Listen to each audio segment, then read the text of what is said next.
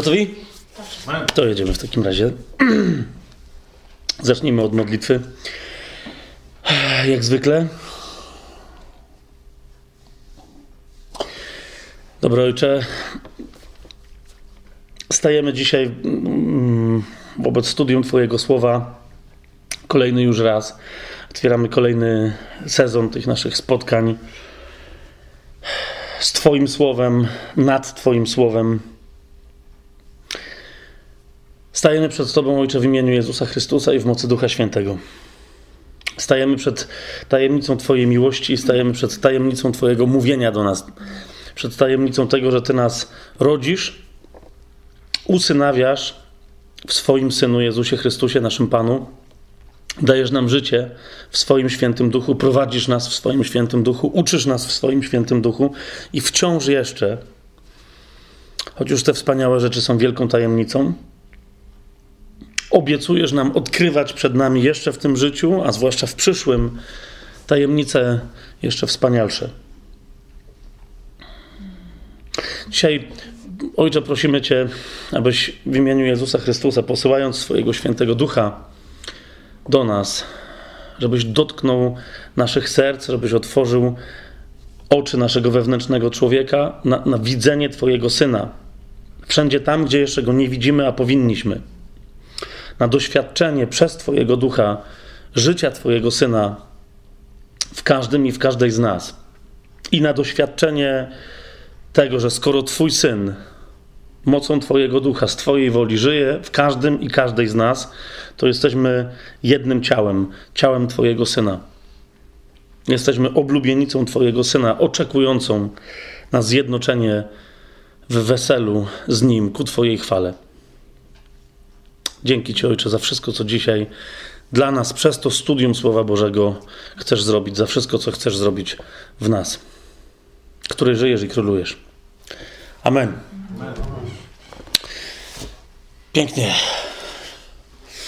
Rozpoczynamy, e, kochani, kolejny e, sezon, szósty sezon mm, e, tajemnego planu znów później niż, niż to planowaliśmy, ale ze względu na to, że czas, nie będę teraz o tym mówił, niemniej w czasie, te, podczas tego sezonu myślę, że ten temat przy okazji Słowa Bożego się pojawi. Ze względu na to, że czas e, przyspiesza, to myślę, że już po tym sezonie nie będziemy robić w ogóle e, żadnych przerw, tylko jak się skończy ten sezon, e, być może, że tam będzie tydzień, dwa i, i będziemy kontynuować, aż dopóki z tymi wszystkimi wprowadzeniami do poszczególnych ksiąg nie dotrzemy aż do, aż do Księgi Objawienia. Co nam, mam nadzieję, że Bóg nam na to pozwoli, na co nam jeszcze pozwoli, to e, zobaczymy. Poprzedni piąty sezon był e, poświęcony całkowicie e, wprowadzeniom do czterech Ewangelii. Chciałem bardzo, żeby e, nam się udało w dwunastu spotkaniach zrobić wprowadzenie do każdej z tych czterech Ewangelii, dlatego mm, leciałem jak mogłem, a i tak te spotkania były bardzo długie. Nie wiem, jak będzie teraz, ale jesteśmy nieco odprężeni z jednego prostego powodu, mianowicie już teraz nie mamy takiego ograniczenia, że, że jakąś tam ilość ksiąg chcemy zmieścić w jednym e, sezonie, więc będziemy e, robili te wprowadzenia i, e, i to studium myślę, że, że bardziej spokojnie. Skoro skończyliśmy e, wszystkie cztery wprowadzenia do wszystkich czterech Ewangelii, bo dla tych, którzy by tego nie wiedzieli, nie robimy bardzo mocno systematycznego studium. Dla mnie takie bardzo mocno systematyczne studium e, to by było i mam nadzieję, że kiedyś nam e, na to Bóg pozwoli, że będzie e, studium werset po wersecie każdej księgi. Tak? Werset po wersecie. Natomiast to, co my robimy, y, to są tylko wprowadzenia, a więc zasadniczo, gdybym miał jednym zdaniem e, odpowiedzieć na pytanie, co my tu robimy, to jest wprowadzenie pomagające odpowiedzieć sobie na pytanie, jak mam przeczytać daną księgę w Biblii.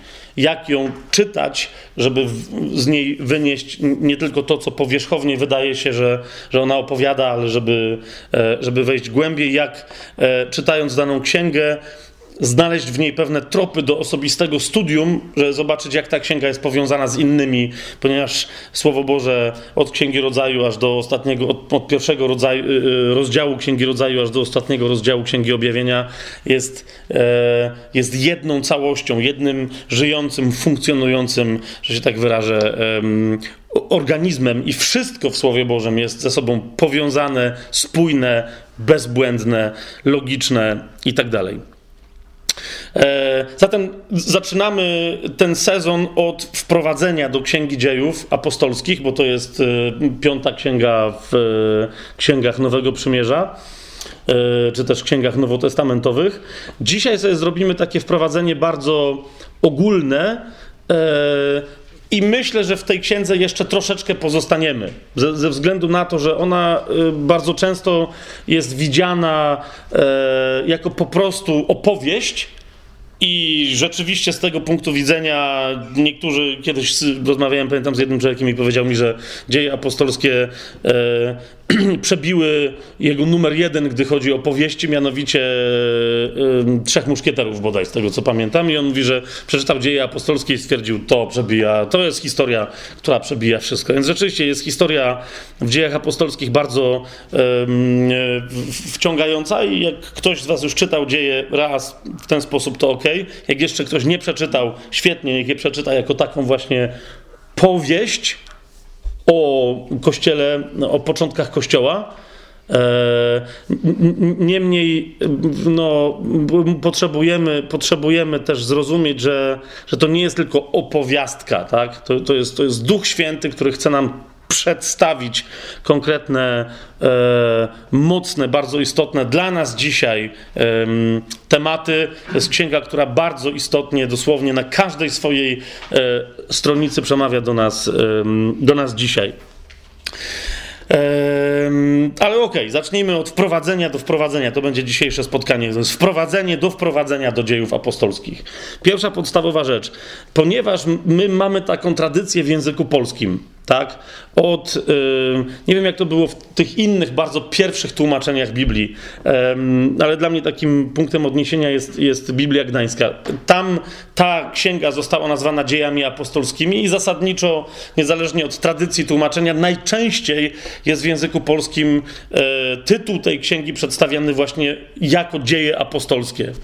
W języku greckim, y, y, no, no właśnie, być może, że to miało sens kilkaset lat temu. Dzisiaj ma to sens ze względu na tradycję. Jak komuś zmienisz tę nazwę, to nie będzie wiedział, o jakiej księdze mowa, więc pozostaniemy przy nazwie dzieje apostolskie, ale w języku greckim ta nazwa brzmi praxeis apostolon e, i myślę, że, że lepszym tłumaczeniem, gdyby, nie wiem, gdybyśmy dzisiaj pierwszy raz robili tłumaczenie tej księgi, powiem, jak sądzę, że należy to przetłumaczyć, żebyśmy od razu mieli rzucone światło na tę księgę, tak?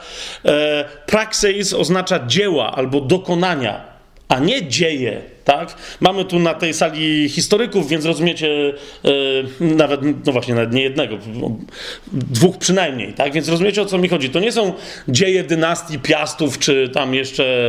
Yy, co, nie, tutaj chodzi o przedstawienie konkretnych dzieł, konkretnych dokonań. To są, to są yy, prakseis, tak? Teraz dokonań czyich? No, yy, apostolon, gdybyśmy dosłownie chcieli przetłumaczyć, to są dokonania apostołów. Tylko widzicie, według mnie yy, to jest jedno z tych słów, mm, ja kiedyś się śmiałem, że, że a, a, potem ze śmiechu wynikła bardzo poważna potrzeba. Śmiałem się, że kiedyś na, zrobimy osobny materiał 10 słów, których nie ma w Biblii. E, I mówiłem, że, że, że, takie słowa, których nie ma w Biblii, to jest, e, to jest na przykład e, Kościół, to jest na przykład zbawienie, tak? To jest, I teraz niektórzy patrzą, więc jeszcze raz powtórzę, nie w takim sensie, oczywiście, że one są w Biblii, tak? Chodzi mi o to, że te słowa, to w jakim kontekście one się pojawiają w Biblii i tak dalej, te tłumaczenia zostały tak wypełnione często religijną treścią, która nie ma związku z tym, co Duch Święty mówi w Słowie Bożym, że trzeba je odkręcić, tak? Słowo zbawienie, co ono naprawdę y, oznacza, w jakich kontekstach się posługuje w Biblii. Słowo kościół, e, bo jest to tłumaczenie greckiego słowa eklezja, które oznacza po prostu zgromadzenie. tak? I ono w Biblii oznacza zarówno zgromadzenie świętych i zbawionych, jak też zgromadzenie ludzi, którzy się zgromadzili przeciwko świętym i zbawionym, a więc przeciwko temu, co my dzisiaj rozumiemy jako Kościół. To jest na przykład zgromadzenie tych, pamiętacie, w Efezie, którzy krzyczeli, e, bronili postaci Artemidy, czy też Diany Efeskiej, tak? I o tym zgromadzeniu też jest powiedziane, że to była jakaś tam eklezja. A więc E, to jest, to jest jedna, czyli tłumaczenia, które nabrały jakiś, takim słowem na przykład jest chrzest, tak? E, słowo greckie oznacza po prostu zanurzenie. Teraz jakbyśmy mieli yy, właściwe znaczenie tego słowa, to, byśmy, to, to wielu dyskusji byśmy uniknęli w sensie yy, i, i, praktyki, i rozumienia yy, nawet poszczególnych tekstów, kiedy na przykład Paweł mówi, że ci, którzy są ochrzczeni w Jezusie, są zanurzeni w Jego śmierci. Gdyby słowo chrzest czy chrzcić po prostu było przetłumaczone po polsku jako zanurzać, rozumiecie o co mi idzie, tak? Ale są też pewne wyrazy, które nabrały dla nas pewnych znaczeń, a problem polega na tym, że w ogóle nie są przetłumaczone.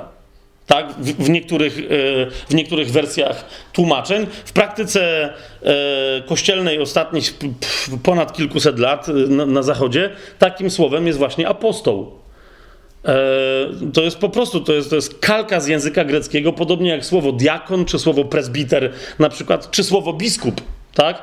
To są słowa, które są przekalkowane z języka greckiego. Po, po prostu. Tak? E, I ktoś w to słowo wlewa jakieś tam swoje e, znaczenie, potem następni to rozwijają, kombinują, szukają tych znaczeń w Biblii, gdy tymczasem powinny te, te słowa być według mnie przełożone. Jednym z takich słów jest, jest e, również słowo anioł. Tak?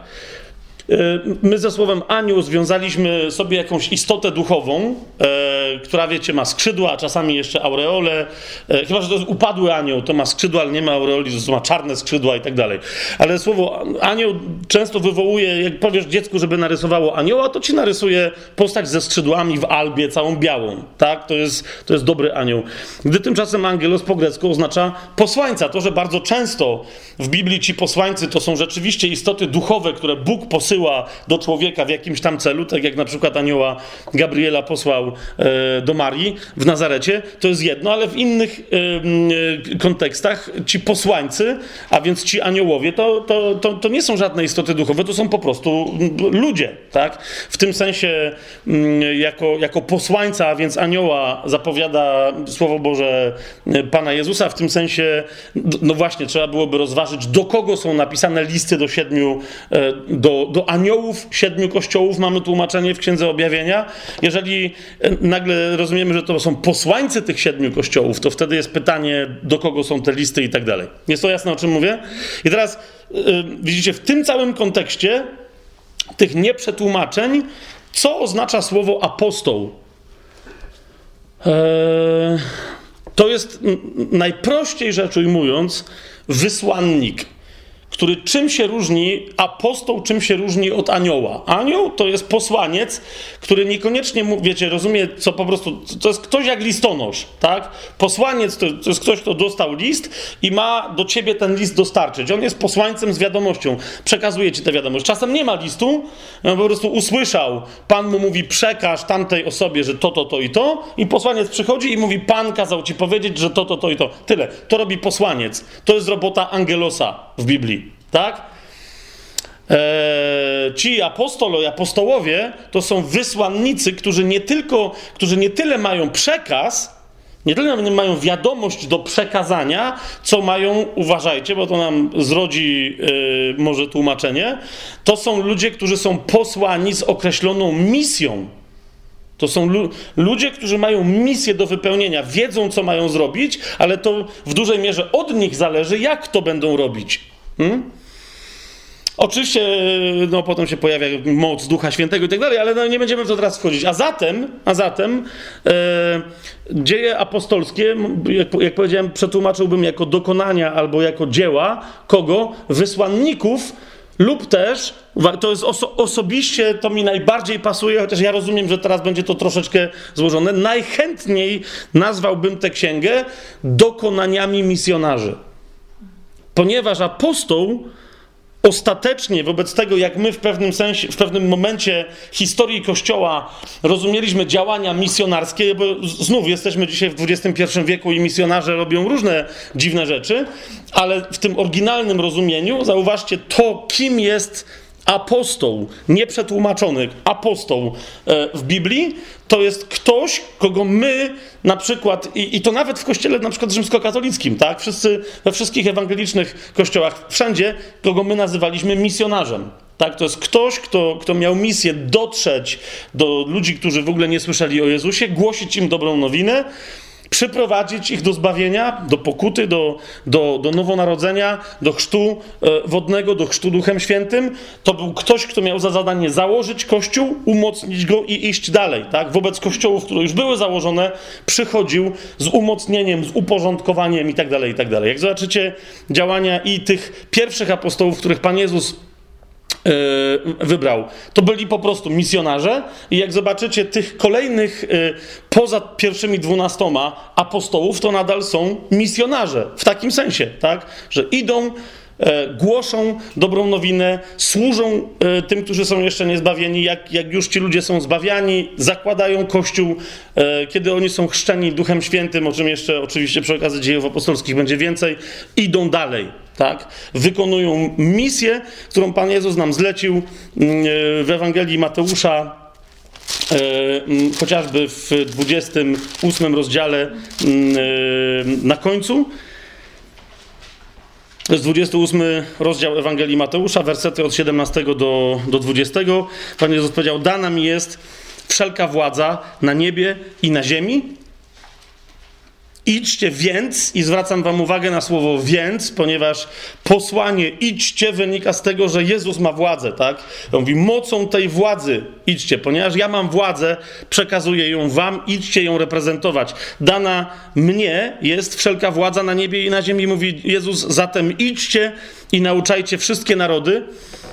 E, lub też słusznie niektórzy tutaj tłumaczą, czyńcie uczniów z wszystkich narodów, chrzcząc je w imię Ojca i Syna i Ducha Świętego, dalej ucząc je przestrzegać wszystkiego, co wam przykazałem, a oto ja jestem z wami przez wszystkie dni, aż do skończenia świata.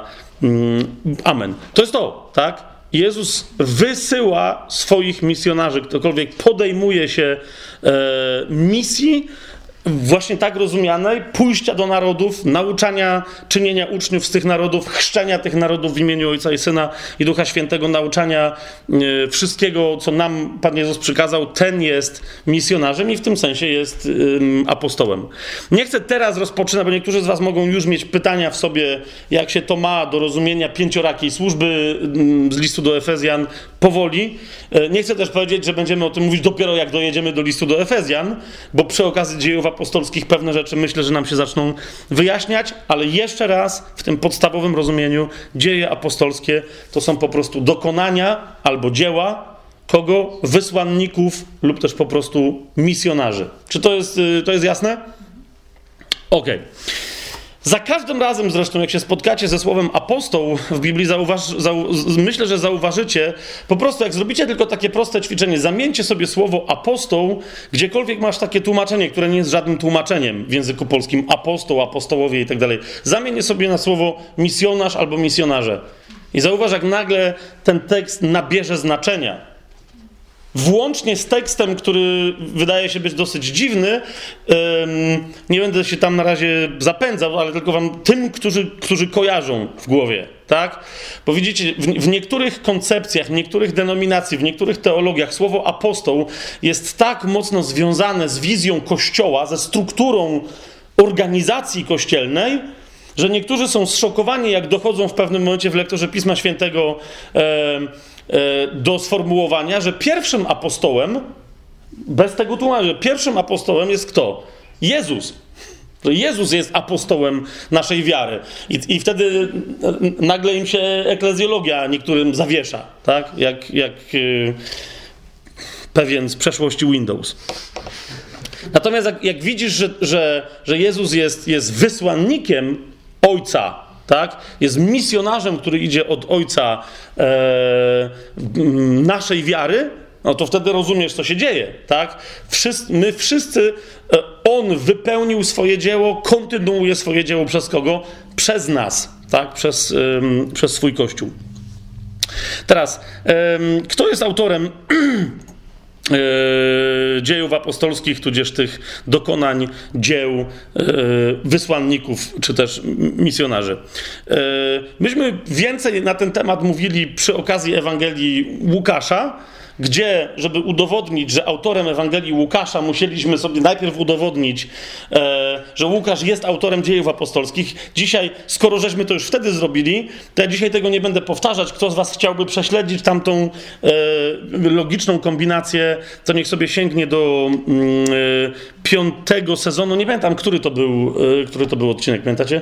No w każdym razie, po, po Mateuszu jest Marek, po Marku jest Łukasz, więc przypuszczam, że e, nie wiem, siódmy siódma, siódmy odcinek, siódma część, prawdopodobnie siódmy wykład um, o, tym właśnie, um, o tym właśnie mówił. Natomiast jak mówimy o e, autorze, to e, na jedną rzecz od razu chcę Wam zwrócić uwagę. Mianowicie, e, jasne, że ze względów porządkowych mówimy, że mamy w Nowym Testamencie cztery Ewangelie, potem są dzieje apostolskie, potem jest list do Rzymian i tak dalej, i tak. Niemniej kiedy zaczynasz czytać dzieje apostolskie, e, należy sobie uświadomić, że jesteś nie na początku jakiejś księgi, ale że jesteś w samym środku. Tak? Otóż Łukasz napisał jedną rzecz, jedno dzieło, które ma dwa tomy. Okay? Więc zanim pójdziemy dalej, to po prostu, jeżeli ktoś wie, że Ewangelię Łukasza napisał Łukasz, to jest jasne, że dzieje apostolskie też napisał, e, też napisał Łukasz. Zauważcie, e, w Ewangelii Łukasza właśnie na, na początku on tam robi wprowadzenie do całego swojego dzieła. To jest Ewangelia Łukasza, rozdział pierwszy, wersety 1 do 4. Um, Łukasz y, pisze tam, ponieważ wielu podjęło się sporządzić opis tych wydarzeń, co do których mamy zupełną pewność, tak jak nam je przekazali ci, którzy od początku byli naocznymi świadkami i sługami słowa, postanowiłem i ja, który to wszystko od początku dokładnie wybadałem, opisać ci to po kolei, zacny Teofilu, abyś nabrał pewności co do tego, czego cię nauczono. A więc e, Łukasz ma też adresata jednego konkretnego, jakiegoś Teofila. E, Teofil znaczy ten, który miłuje Boga, to jest miłośnik e, Boga i w tym sensie można łatwo odnaleźć w tym adresie także siebie, tak? Je, jeżeli jesteś kimś, kto kocha Boga, kto go szuka, kto go znajduje w Duchu Świętym przez Jezusa Chrystusa, to jesteś Teofilem, tak? To też mogła być bardzo konkretna osoba, o tym sobie jeszcze, jeszcze więcej opowiemy przy okazji postaci Pawła. To też mogła być bardzo konkretna osoba, na przykład znajdująca się, bo tutaj jest, e, mamy tłumaczenie zacny Teofilu, e, ale to mogła być e, czcigodny, tak? To, to, jest, to, jest, to jest oznaczenie takiej społecznej wartości tej osoby. A więc Łukasz zaznacza, że pisze do kogoś, kto na przykład mógł się znajdować na dworze Cezara w Rzymie, ponieważ jak, będę, jak będę mówił o tym, kiedy, było, kiedy były napisane dzieje, to one były napisane zaraz po Ewangelii Łukasza najprawdopodobniej, mm, a, a więc to jest w czasie, kiedy, kiedy Paweł się znajduje w Rzymie, E, na, po tym, jak się odwołał do, mm, do sądu Cezara, został odesłany do Rzymu, e, tam czeka na ten swój sąd. E, to jest około 62 roku naszej ery, 30 lat po śmierci i zmartwychwstaniu Pana Jezusa.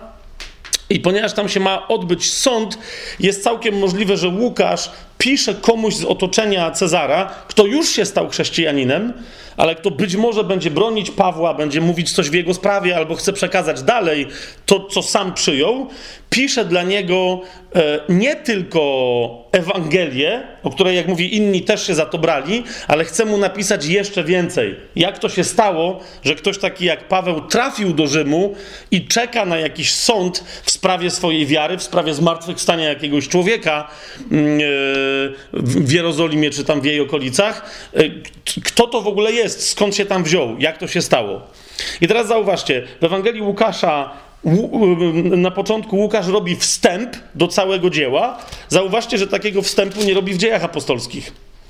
Tak? A zatem wstęp w Ewangelii Łukasza jest wstępem, uwaga, i do Ewangelii, i do dziejów apostolskich. Zauważcie, w dziejach apostolskich e, Łukasz tylko zaznacza, co następuje. To, jest, to są dzieje apostolskie, zobaczcie pierwszy rozdział, e, pierwszy i drugi werset w zasadzie. Łukasz tam pisze: Pierwszą księgę napisałem Teofilu o wszystkim, co Jezus zaczął czynić i czego zaczął nauczać, aż do dnia, w którym został wzięty w górę, po tym jak przez Ducha Świętego udzielił poleceń apostołom, których wybrał. I zauważcie, i nie, i nie mówi, co będzie tutaj pisał w tej, w tej księdze, nie tłumaczy się, że teraz jest koncepcja jakaś inna, tylko po prostu zaczyna historię. Im też po swojej męce objawił się jako żywy w wielu niewątpliwych dowodach i tak dalej, i tak dalej. A więc nadal e, zaznacza tylko tamtą księgę, gdyby ci ktoś urwał końcówkę, to ci przypominam, gdzie skończyłem, i dokładnie tam, gdzie skończyłem, zaczynam tę księgę, tak? Ale zauważcie, do dziejów apostolskich Łukasz nie robi wprowadzenia. Czy to, czy, czy to widzicie? Wstęp e, z Ewangelii Łukasza jest wstępem i do Ewangelii Łukasza, i do dziejów apostolskich. Dla Łukasza to jest jedno dzieło, ono po prostu ma tylko, ono po prostu ma tylko mm, e, dwa tomy. Teraz, y, natomiast dla tych, którzy mieliby, powiedzmy, teraz jakąś wątpliwość z jakiegoś powodu, to zwracam wam tylko uwagę na jedną rzecz. Otóż dzieje apostolskie mają swojego autora. On się, on się nie przedstawia w dziejach apostolskich, tak? Podobnie zresztą jak Łukasz, on się nie przedstawia w swojej Ewangelii. W dziejach apostolskich Łukasz się nie przedstawia. A przynajmniej tak mu się wydaje, że się nie przedstawia, ponieważ. dlaczego tak mu się wydaje? Ponieważ Duch Święty, dotykając Łukasza, w pewnym momencie tej historii każe mu przyznać się, że jest uczestnikiem tej historii. Słowem, jak się dzieje apostolskie zaczynają, czyli Pan Jezus idzie do nieba i tak dalej, Łukasza tam nie ma i on mówi w trzeciej osobie. Oni tam byli, oni coś widzieli, oni coś zrobili i tak dalej, i tak dalej, i tak dalej. Ale w pewnym momencie w dziejach apostolskich pojawiają się tak zwane sekcje my. W teologii tak się to nazywa. Dzieje apostolskie zawierają tak zwane sekcje my. Co to znaczy? To znaczy, że autor w pewnym momencie nieopatrznie jakby to naprawdę, jakby sobie go nie zauważał, w momencie, kiedy opisuje tę część historii, w której sam brał udział, od trzeciej osoby liczby mnogiej, czyli oni zrobili coś tam, przechodzi do pierwszej osoby liczby mnogiej i nagle zaczyna mówić: My coś zrobiliśmy. Tak? A więc wiemy, że to jest ktoś, kto uczestniczył w pewnych akcjach. Jak sobie otworzycie na przykład Dzieje Apostolskie, 16 rozdział, to wam y, jeszcze raz mówię, y, mówiłem więcej o tym i bardziej szczegółowo, więc nie chcę tego powtarzać zupełnie mm, przy okazji ustalenia autorstwa, że, Łukasz jest autorem Ewangelii y, swojej i Dziejów Apostolskich. Mówiłem o tym w poprzednim sezonie, ale teraz tylko na to wam zwracam uwagę. Zobaczcie, w 16 E, na przykład w rozdziale e, dziejów apostolskich e, w pierwszym wersecie tam macie, że, że Paweł przybył do Derbe, do Listry i, tak dalej, i tak dalej. Tam był Tymoteusz, ok. Po czym zauważcie dziesiąty werset, nagle zmienia się e, zmienia się czasownik, w ogóle podejście czasownikowe, pojawia się ta właśnie tak zwana sekcja my. Zamiast mówić on albo oni, nagle autor dziejów apostolskich co pisze, to jest 16 rozdział 10 werset, zaraz po tym widzeniu, które miał Paweł opisane w 9 wersecie, zaraz po tym widzeniu staraliśmy się wyruszyć do Macedonii. A więc mówi, w tym momencie ja się pojawiłem i od tej pory, jak Paweł ruszył do Macedonii, y, ja już z nim byłem. To się oczywiście ciągnie przez jakiś y, tam czas i się przerywa z pewnych względów. Nie będę teraz tego tłumaczył, jak będziemy mówić następ, nie wiem czy następnym razem, za jakiś czas. Y, o podróżach apostolskich Pawła, gdzie facet wędrował i co się działo, co nawiasem mówiąc jest, jest fascynującą historią, zważywszy na to, że jak zauważycie, Paweł wszędzie chodzi pieszo E, to tylko niektórzy, nie, niektórym się wydawało, że jeździ na koniu i go tak namalowali, że na przykład idąc do Damaszku spadł z konia z jakiegoś powodu, ale Paweł wszędzie chodzi pieszo. Jak sobie zaobserwujemy jego podróże apostolskie, to no niekoniecznie fizycznie tam Paweł dotarł, jeszcze będziemy o tym mówić, ale w planie miał nawet Hiszpanię, tak? o czym wspomina wprost, e, pisząc na przykład do Rzymian, że jak wróci z Hiszpanii, to ich odwiedzi. Tak? E, więc zasięg tam jest poważny i nie, nie wszędzie, nie zawsze e, e, jakby ekipa, która towarzyszyła Pawłowi, tak? Nie zawsze była taka sama. To jest, to jest oczywiste. Łukasza też nie zawsze e, tam miał. Zobaczcie, 20 rozdział dziejów apostolskich, piąty werset. Tam jest mowa od początku tego rozdziału o pewnych ludziach, e, co Łukasz komentuje, oni poszli pierwsi i czekali na nas w Troadzie. I tu się, to, jest, to, jest, to jest e, początek kolejnej, e, kolejnej sekcji my. Potem mamy sekcję my, która się rozpoczyna w 27 rozdziale, w pierwszym wersecie, gdzie autor dziejów apostolskich pisze, gdy postanowiono, że mamy płynąć do Italii, Zauważcie, mamy my płynąć do Italii. Oddano Pawła i innych więźniów setnikowi imieniem Juliusz z oddziału Augusta. Eee, a więc jest my. I, I, teraz to my trwa w 28 rozdziale, zauważcie, w 16 e, wersecie dalej ten sam człowiek, który jest autorem dziejów apostolskich, który mówi, towarzyszyłem w podróży do Italii Pawłowi, mówi, ja również z Pawłem przybyłem do Rzymu. To jest 28 rozdział, 16 werset, mówi, kiedy my przybyliśmy do Rzymu, setnik oddał więźniów dowódcy wojska, ale Pawłowi pozwolono mieszkać osobno z żołnierzem, który go pilnował. Niemniej ten człowiek, który przybył, e, to jest ktoś, kto przybył z Pawłem i był z Pawłem Pawłem w Rzymie. Paweł nie mógł mieszkać z innymi, bo oni nie byli więźniami, mieszkał z tym y, y, żołnierzem, którego pilnował. Niemniej autor dziejów apostolskich to jest ktoś, kto był z Pawłem w Rzymie. Okay? I opisuje nie tylko tu początek, ale opisuje całe dwa lata pobytu Pawła w Rzymie. Teraz dlaczego yy, dwa lata, czyli bo zobaczcie, koniec dziejów apostolskich mówi przez całe dwa, to jest 30 i 31 werset. Przez całe dwa lata Paweł mieszkał w wynajętym mieszkaniu i przyjmował wszystkich, którzy przychodzili do niego i tak dalej, i tak dalej. Więc to jest ktoś, kto tam jest, który jest świadkiem tego, że Paweł przez tak długi czas wynajmuje mieszkanie. To jest bardzo, wiecie, istotna informacja, której może wiedzieć tylko ktoś, kto jest na miejscu, tak? Że Paweł sam za własne pieniądze wynajmował e, mieszkanie. Teraz, dlaczego to jest istotne? Bo zobaczcie, w jednym z ostatnich, nie ostatnim, ale w jednym z ostatnich swoich listów, jakie pisze Paweł z Rzymu przed swoją śmiercią, e, to jest list do Kolosan, e, poza innymi, których wymienia, Paweł, to jest czwarty rozdział listu do Kolosan, tym kolosanom przekazuje pozdrowienia od swojej ekipy, od ludzi, którzy z nim są. Tak? No i tam y, mówi, że pozdrawia was ten, Onezym, y, Jezus zwany Justusem, Epafras oczywiście, tak? Ale wśród nich, zauważcie, pojawia się informacja, czwarty rozdział, czternasty werset. Pozdrawia was Łukasz, umiłowany lekarz i Demas, tak? A więc pojawia się, po, pośród innych pojawia się Łukasz.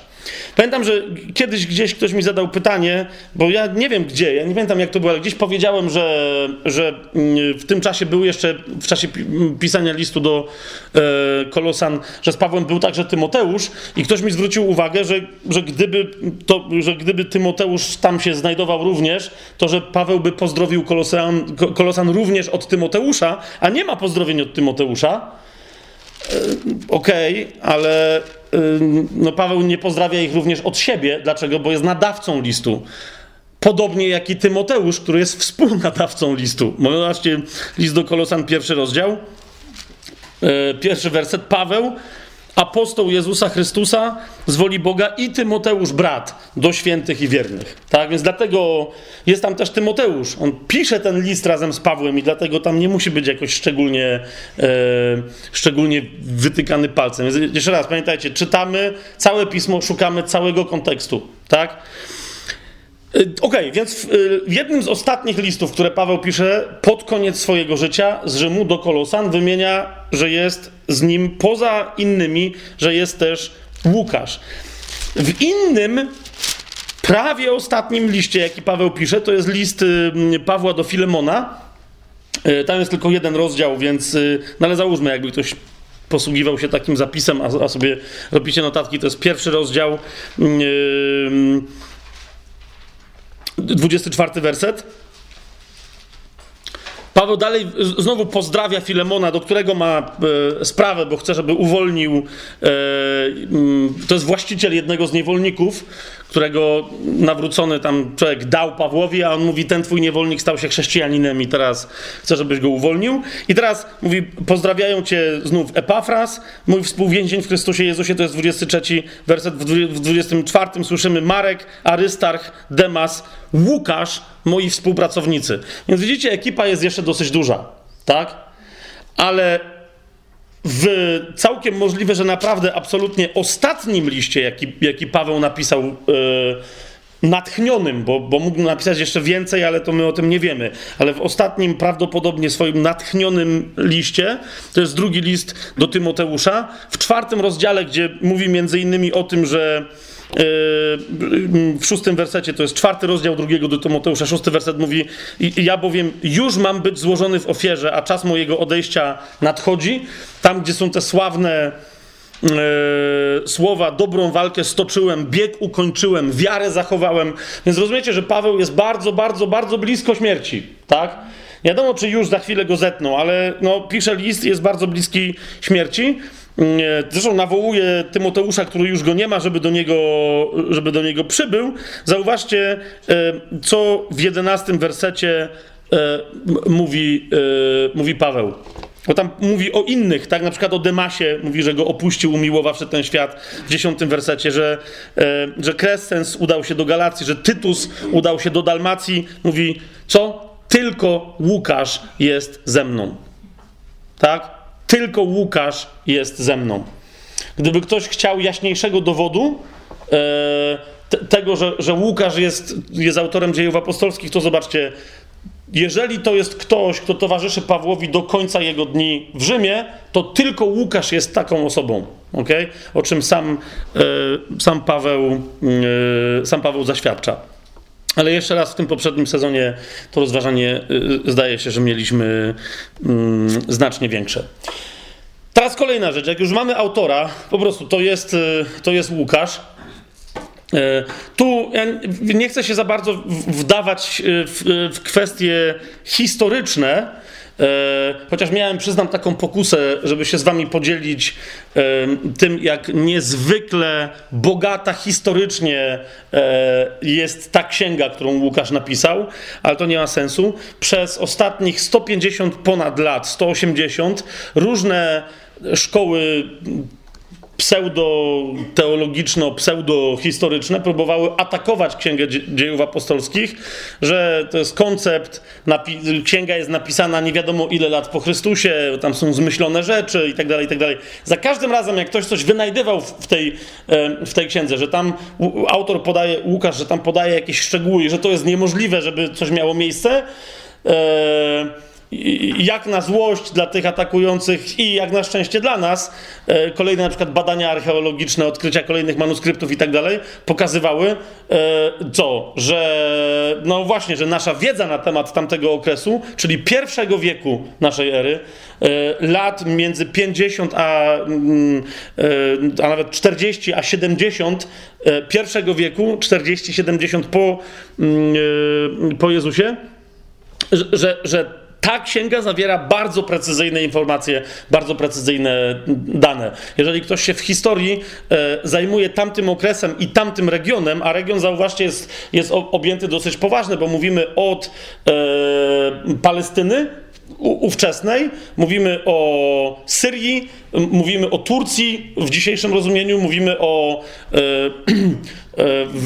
w zasadzie Bałkanach i o Półwyspie Apenińskim, mówimy o Włoszech dzisiejszych, choć e, w pewnym momencie, kiedy Paweł był transportowany do e, Rzymu, jak, jak zobaczycie sobie do, dokładnie, co się tam dzieje, okręt, który się plątał po Adriatyku, w pewnym momencie przez nieumiejętność, czy nie wiem co tam, tych, którzy, którzy, którzy się zajmowali nawigacją, wylądował gdzie? Na Malcie. tak? I Paweł e, z Jerozolimy dociera do Rzymu przez Maltę. Taka jest, e, taka jest kombinacja tam e, alpejska. I w każdym z tych miejsc są opisane jakieś szczegóły, które okazują się być absolutnie, absolutnie prawdziwe. E, więc nie będę w ogóle wchodził w to, na ile, wiecie, że czy była jakaś postać, która się podszywała pod Łukasza. Nie, to e, pisał Łukasz i możemy z pewnych względów z całym spokojem, po, prawie, że, rozumiecie, prawie, że precyzyjnie ustalić, w jakim roku to było. Dlaczego?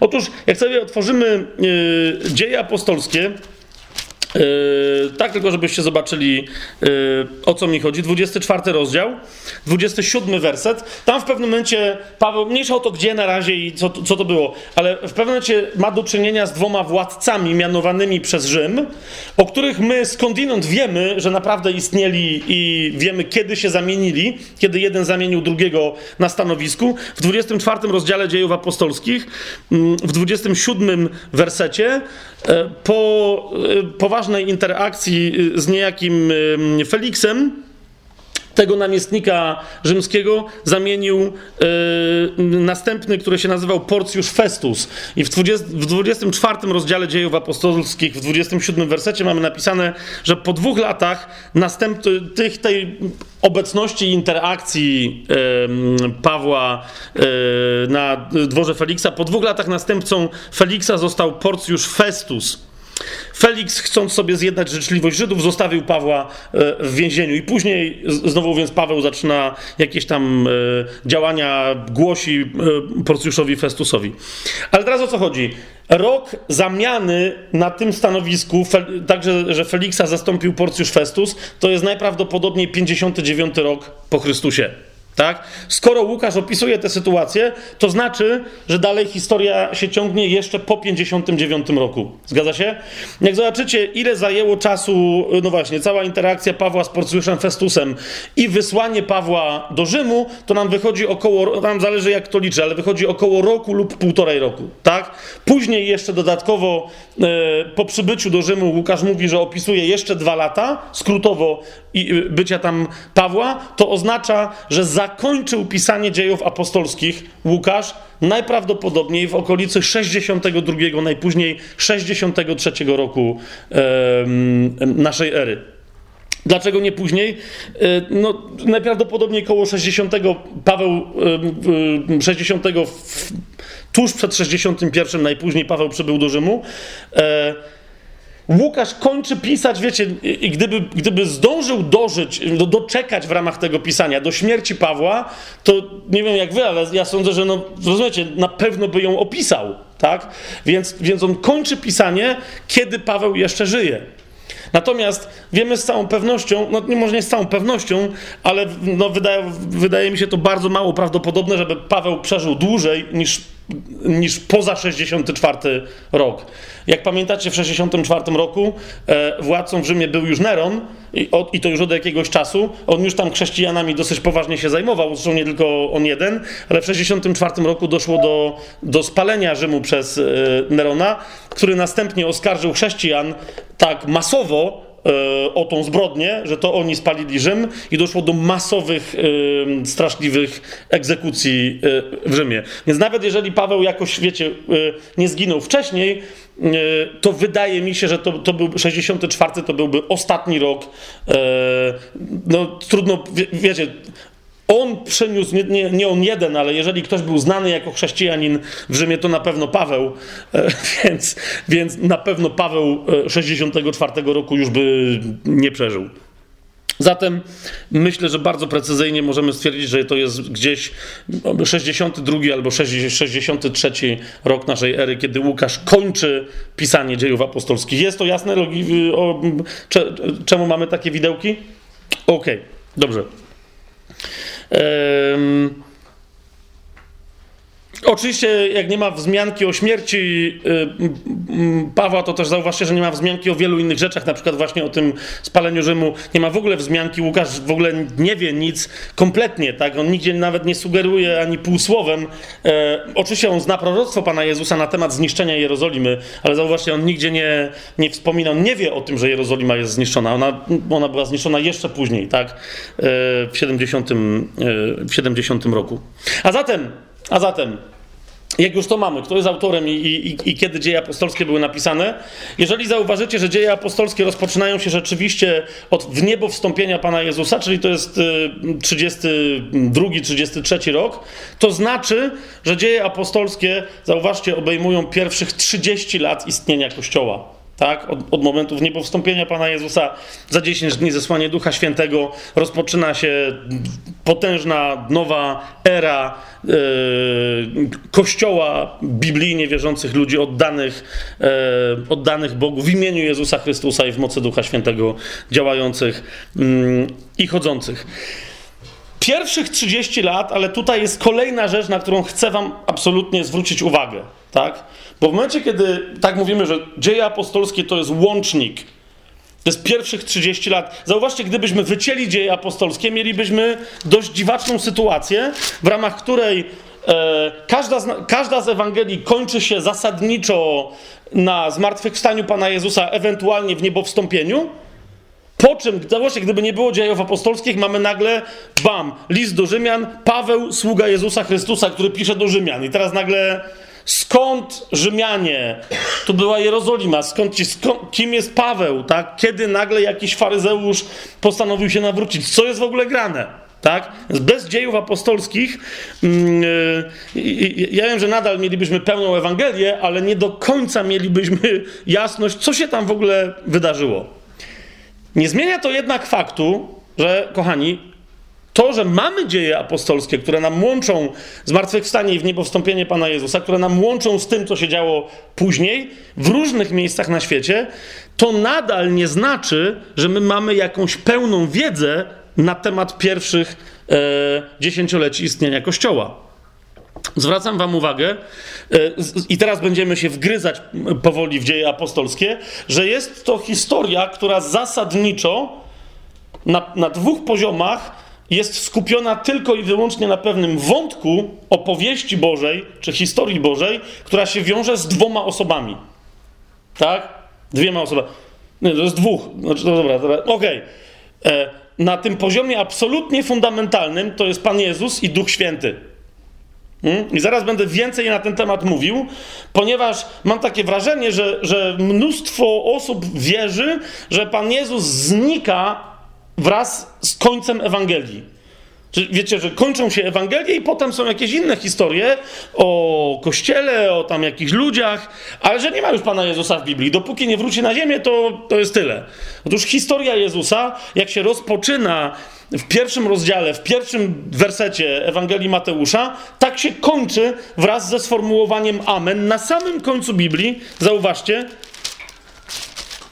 to jest 22 rozdział Księgi Objawienia, 21 werset, kończy się sformułowaniem łaska naszego Pana Jezusa Chrystusa z wami wszystkimi. Amen. Jak jeszcze mamy świadomość, że Amen to jest jedno z imion, którym Jezus się osobiście przedstawia, mówi o sobie w tejże Księdze Objawienia, ja jestem Amen tak? To zauważ, masz, masz go wymienionego, że tak powiem, e, pod trzema, czterema imionami w ostatnim e, wersecie e, Biblii, tak? Ale więcej za chwilę o tym będę mówił, bo to jest ważne, jak, jak mamy zobaczyć Pana Jezusa, chociażby w, w dziejach apostolskich. Druga bardzo istotna rzecz, dzieje apostolskie są nadal Ewangelią, Jak y, niektórzy powiadają, to jest jeżeli, jeżeli pierwsze cztery księgi Biblii to jest Ewangelia o Jezusie, to piąta księga jest Ewangelią o Duchu Świętym. Ok? Jak pierwsze, jak pierwsze cztery y, księgi są dobrą nowiną o, o pierwszym przyjściu Pana Jezusa, tak e, piąta księga jest dobrą nowiną o przyjściu w zupełnie nowy sposób, bo nie to, nie to że, że go nie było, ale w zupełnie nowy sposób zapowiadanego przez Jezusa Pocieszyciela, Ducha Świętego, który jak przyszedł, jest obecny i działa jako konkretna, e, bardzo konkretna osoba. Więc to jest pierwszy plan, to jest plan duchowy. I w dziejach apostolskich mamy jeszcze drugi plan, pewną historię, która ma stanowić przykład. Jeszcze, jeszcze, jeszcze raz usłyszcie to, co mówię. To jest historia, która ma stanowić przykład. Dlaczego? Gdybyśmy mieli znaleźć bohaterów ludzkich w dziejach apostolskich, to na pierwszym planie pierwszej części dziejów apostolskich znajdujemy jedną osobę ludzką, bo jeszcze raz, dwóch głównych bohaterów dziejów apostolskich to jest Pan Jezus i Duch Święty. Duch Święty i Pan Jezus na przemian. To jest tandem, tak? Ale z ludzkich bohaterów pierwsze mniej więcej 10 rozdziałów, 11 to jest Piotr, apostoł, Szymon Piotr, apostoł, i od 12 rozdziału pojawia się, znaczy wcześniej też oni się zazębiają, te historie się za, zakładają jedna na drugą, zachodzi, ale, ale na pierwszy plan wysuwa się druga postać ludzka i tą postacią jest apostoł Paweł. Okay? Więc pierwsza część dziejów apostolskich to jest apostoł Piotr, druga część dziejów apostolskich to jest apostoł Paweł. Teraz ym, niektórzy podejmują, jak sobie otworzycie list do Galacjan, chcę, chcę się do, do tego odnieść, bo, bo, niektórzy na tej podstawie potem jakieś w ogóle teologię e, budują. Okej, okay, ale, ale miejmy jasność w tej kwestii. Mianowicie powiadają, że Piotr e, jest, i, to, i teraz to, co powiem, to jest prawda. Tak? Ale za chwilę wyjaśnię, czemu to nie do końca tak jest w dziejach apostolskich. Otóż mówią, że Piotr to jest człowiek, nie on jeden, ale człowiek reprezentujący posłanie do obrzezania, gdy tymczasem Paweł jest, jest postacią reprezentującą posłanie do nieobrzezania. Słowem, Piotr ma reprezentować yy, głoszenie dobrej nowiny Żydom, czy wyznawcom judaizmu najogólniej rzecz ujmując, a Paweł ma reprezentować głoszenie dobrej nowiny poganom. Tylko, że dowód na to znajdujemy w liście do Galacjan w drugim rozdziale na przykład, ale tam to jest bardzo wyraźnie pokazane. I to jest prawda. Jeszcze raz, tak jest. Ostatecznie rzecz ujmując, ostatecznie rzecz ujmując, Piotr w Słowie Bożym jest widziany jako ten, który jest posłany do obrzezania, do Żydów, do, judai, do wyznawców judaizmu, a Paweł jako, mimo że sam faryzeusz, na początku jako posłany do pogan. Tak? W drugim rozdziale listu do Galacjan w szóstym wersecie i dalej, e, Paweł o swojej obecności w Jerozolimie e, opowiada taką bardzo konkretną historię i podaje konkretne szczegóły. Mówi tak: A co do cieszących się uznaniem, jakimi kiedyś oni byli, jest dla mnie bez znaczenia. Bóg nie ma względu na osobę. Ci więc, którzy cieszą się uznaniem, nic mi nie narzucili. Wręcz przeciwnie, gdy widzieli, że została mi powierzona Ewangelia nieobrzezanych, zauważcie, z pierwszy raz, kiedy on mówi, kiedy oni zobaczyli, kto? Ci, którzy byli, e, którzy mieli już znaczenie w kościele, kiedy zobaczyli, że została mi powierzona Ewangelia wśród nieobrzezanych, jak Piotrowi wśród obrzezanych, to jest pierwszy raz, kiedy on mówi, zobaczcie, co się dzieje, tak? Moja główna misja to jest pójść do nieobrzezanych, Piotra do obrzezanych. Więc jak oni to zobaczyli, i ósmy werset, ten bowiem, który działał skutecznie przez Piotra, w sprawowaniu apostolstwa wśród obrzezanych skutecznie działał i we mnie wśród pogan. Zauważyliście, drugi raz Paweł podaje to rozróżnienie. Mówi, że tak było, Pan działał wśród nieobrzezanych przez Piotra, wśród pogan przeze mnie. To, mówi dziewiąty werset, kiedy poznali daną mi łaskę, Jakub, Kefas i Jan. No, Kefas, wiemy, jest tymże Piotrem. Jakub, Kefas i Jan, którzy są uważani za filary, podali mnie i Barnabie prawicę na znak wspólnoty. Uwaga, jeszcze raz Paweł podkreśla, abyśmy my poszli do pogan, a oni do obrzezanych. A więc mówi, jest więcej posłanych do pogan, na przykład Barnaba razem ze mną, mówi Paweł, i jest więcej posłanych raczej do obrzezanych, i podaje przykład Jana, Kefasa, czyli Piotra, i Jakuba, tu zwracam Wam uwagę, bo zresztą z tym imieniem jest problem i my przy okazji dziejów apostolskich będziemy musieli sobie trochę ten problem rozwiązać. W tym miejscu chodzi, taką teraz tezę stawiam, nie będę jej uzasadniał. Tutaj chodzi nie o żadnego z Jakubów, którzy byli oryginalnie apostołami Pana Jezusa, ale chodzi o Jakuba, który jak Pan Jezus jeszcze żył, to Jan o nim powiedział, że należał do braci rodzonych Jezusa, którzy w Jezusa nie wierzyli. Okay? Ale na początku dziejów apostolskich bracia Jezusa już, już, się pojawiają, już się pojawiają jako wierzący, i tu chodzi o nie, nie ani o jednego, ani o drugiego Jakuba, ani syna Zebedeusza, ani syna Alfeusza, ale chodzi o, o rodzonego brata Jezusa, którego zresztą, którego zresztą Paweł na przykład nazwie wprost bratem Pana Jezusa. Tak? Więc mamy dwóch apostołów E, wybranych przez samego Pana Jezusa, Kefasa i Jana i mamy, e, i mamy kogoś, kto, kto, już później, że się tak wyrażę, w erze Ducha Świętego, widzicie ten, ten cudzysłów, który tutaj daje, tak? Który w erze Ducha Świętego staje się też apostołem, też e, jest odpowiedzialny za Kościół, ale nie należy do tych pierwszych, do tych pierwszych dwunastu. Więc mamy tutaj wyraźne, zauważcie, rozgraniczenie. Piotr reprezentuje posłanie do obrzezania, a Jan, a Paweł reprezentuje posłanie do nieobrzezania. Ale, i jeszcze raz, przeczytaliśmy to trzy razy, Paweł powtórzył w samym tym fragmencie listu wszystko się zgadza. Natomiast, kochani, Chcę, żebyście zwrócili uwagę na to, że w dziejach apostolskich nie ta wiadomość jest najistotniejsza. Ok? Nie ta wiadomość jest najistotniejsza. Nie ta. Bo y, niektórzy się potem o to kłócą. Ja też mówię, tu nie ma kłótliwych ludzi, mam nadzieję, bo nie, nie z wszystkimi się aż tak dobrze znamy. Ale ale no, rozumiecie, nie ma co, bo niektórzy mówią, że jest, Piotr jest posłany do obrzezania, Paweł do nieobrzezania. Potem następnie otwierają dzieje apostolskie i nagle mówią, to fajnie, ale Piotr jakoś głosi Korneliuszowi. Piotr broni nieobrzezanych przed obrzezanymi. To jak? Po czym, jak zauważycie Pawła, Paweł bardzo często, zwłaszcza na początku swojej działalności, gdziekolwiek się nie pojawia, wchodzi zawsze najpierw do synagogi i głosi Żydom, tak? Więc niektórzy tam się o to kłócą. Więc nie ma się o co kłócić. Idzie o to, kto ma, po, y, kto ma w, w, powołanie, w którym co dominuje. U Pawła dominuje posłanie do nieobrzezania, u Piotra posłanie do obrzezania. Ale dzieje apostolskie nie zajmują się za bardzo powołaniem osobistym Pawła czy Piotra, Dzieje apostolskie zajmują się opowiedzeniem pewnej historii, która, jakby to powiedzieć, żeby to ująć jak najprościej, pokazuje, że Bóg ma plan. Ten, który jest Panem nieba i ziemi, który powiedział: Ja mam wszelką władzę na niebie i na ziemi, czyli Jezus, ma plan, mówi, jaki ma plan, i ten plan, niezależnie od tego, jak y, diabeł y, chce przeszkadzać w jego realizacji, niezależnie od tego, jak ludzie wierzący są nieskładni w realizacji tego planu, Jezus ma plan i ten plan jest realizowany.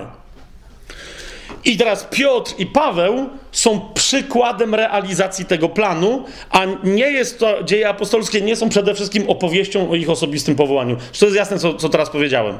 Okej, okay. jeszcze to rozjaśnijmy jeszcze bardziej. Otwórzcie sobie dzieje apostolski pierwszy rozdział, żebyście zobaczyli, gdzie jest plan. Jezus mówi, to jest mój plan. I, i druga rzecz, jak Jezus mówi, to jest mój plan, to jednocześnie e, prześledźcie następnie cały. Inaczej, my sobie, my sobie to dzisiaj zrobimy, tak? To zobaczcie, że ten plan Jezusowy jest jednocześnie planem na dzieje apostolskie. To jest tak, jakbyście mieli wstęp i we wstępie było napisane, cała ta historia będzie się tyczyła tego, tego, tego oraz jeszcze tego. Gdzie jest plan? Dzieje apostolskie, pierwszy rozdział, ósmy werset. Niektórzy uważają, że z tego powodu to jest najważniejszy werset yy, w dziejach apostolskich.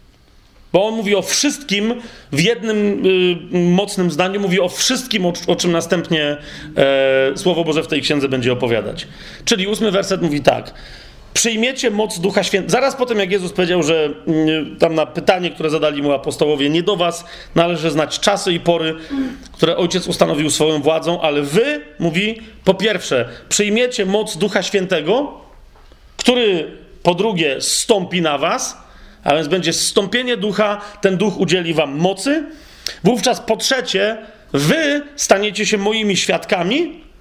Po czwarte, gdzie się staniecie tymi moimi świadkami? Najpierw w Jerozolimie, potem w całej Judei i w Samarii, a potem aż po krańce ziemi. Ok? To, to jest plan Pana Jezusa, Oczywiście jest jeszcze drugi plan wewnętrzny, co się dzieje, kiedy już ktoś jest w kościele, ale plan misyjny Pana Jezusa jest tutaj zademonstrowany i dzieje apostolskie na przykładzie dwóch mężczyzn pokazują, jak ten plan był realizowany. Dlaczego powtarzam, że na, na przykładzie dwóch mężczyzn? Kochani, ponieważ w ciągu pierwszych 30 lat nie, nie będę teraz y, y, wnikać, y, w, być, może, być może nawet nie, nie jest to moje zadanie, ale mamy, jak powiedziałem, mamy tu sporo nawróconych historyków, to może by się tym zajęli i w ogóle osobny na ten temat wykład zrobili, tak? Ale kochani, w ciągu pierwszych 30 lat istnienia Kościoła, Kościół rozszedł się Jak macie Jerozolimę, potem macie Judeę, dookoła Jerozolimy na północ e, e, macie Samarię, ok, wszystko gra. E, krańce ziemi są wszędzie. Tak? W ciągu pierwszych 30 lat misjonarze chrześcijańscy, apostołowie, chociażby pierwsi apostołowie Jezusa, poszli dosłownie we wszystkich możliwych kierunkach. Tak? A więc, a więc y, została dobrą nowiną zaatakowana i zdobyta e, taka twierdza jak Egipt. W Egipcie powstał absolutnie potężny kościół. Tak? W dziejach apostolskich jest mowa, jak, o, o, mowa o tym, jak Filip nawraca Etiopa. Tak? ale, ale w Etiopii nie powstał tak, y, tak silny, mocny lokalny kościół jak w Egipcie. I to nie jest tylko Aleksandria.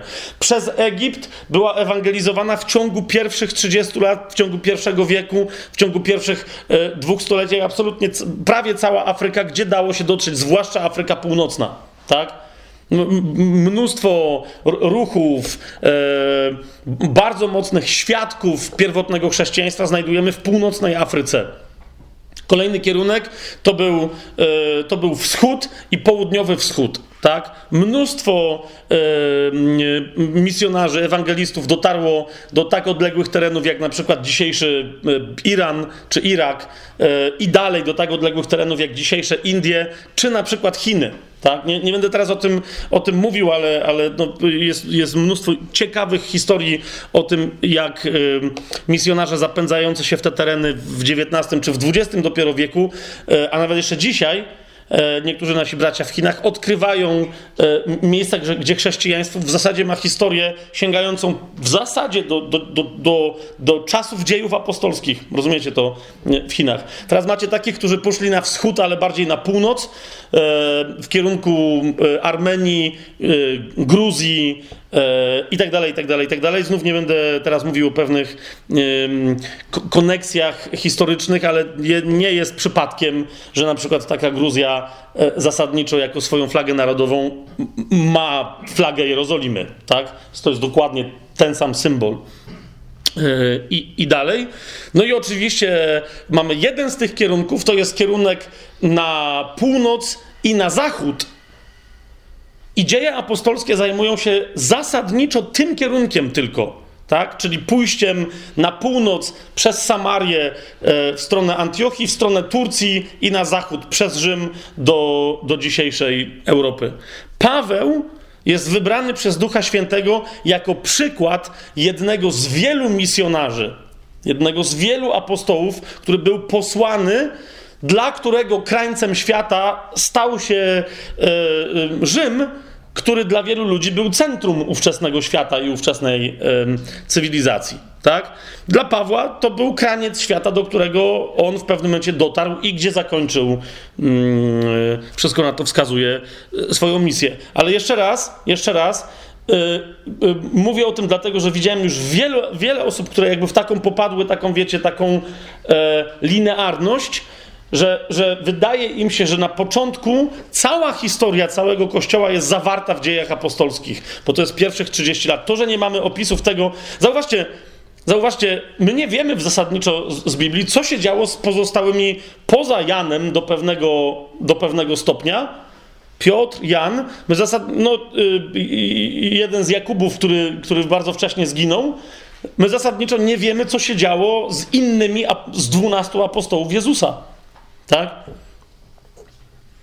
Z innych y, zapisów nienatchnionych, historycznych, na przykład, no, no, właśnie, możemy się dowiedzieć, że ten, który był nazywany niewiernym, Tomaszem, to, nie ma nic wspólnego z żadną niewiernością, ale że, że on najprawdopodobniej jemu się udało dotrzeć aż do, e, aż do terenu dzisiejszych, e, dzisiejszych Chin, a jak nie jemu, to któremuś z jego e, bezpośrednich uczniów. Ale jeszcze raz, Kościół tam się rozrastał, tak?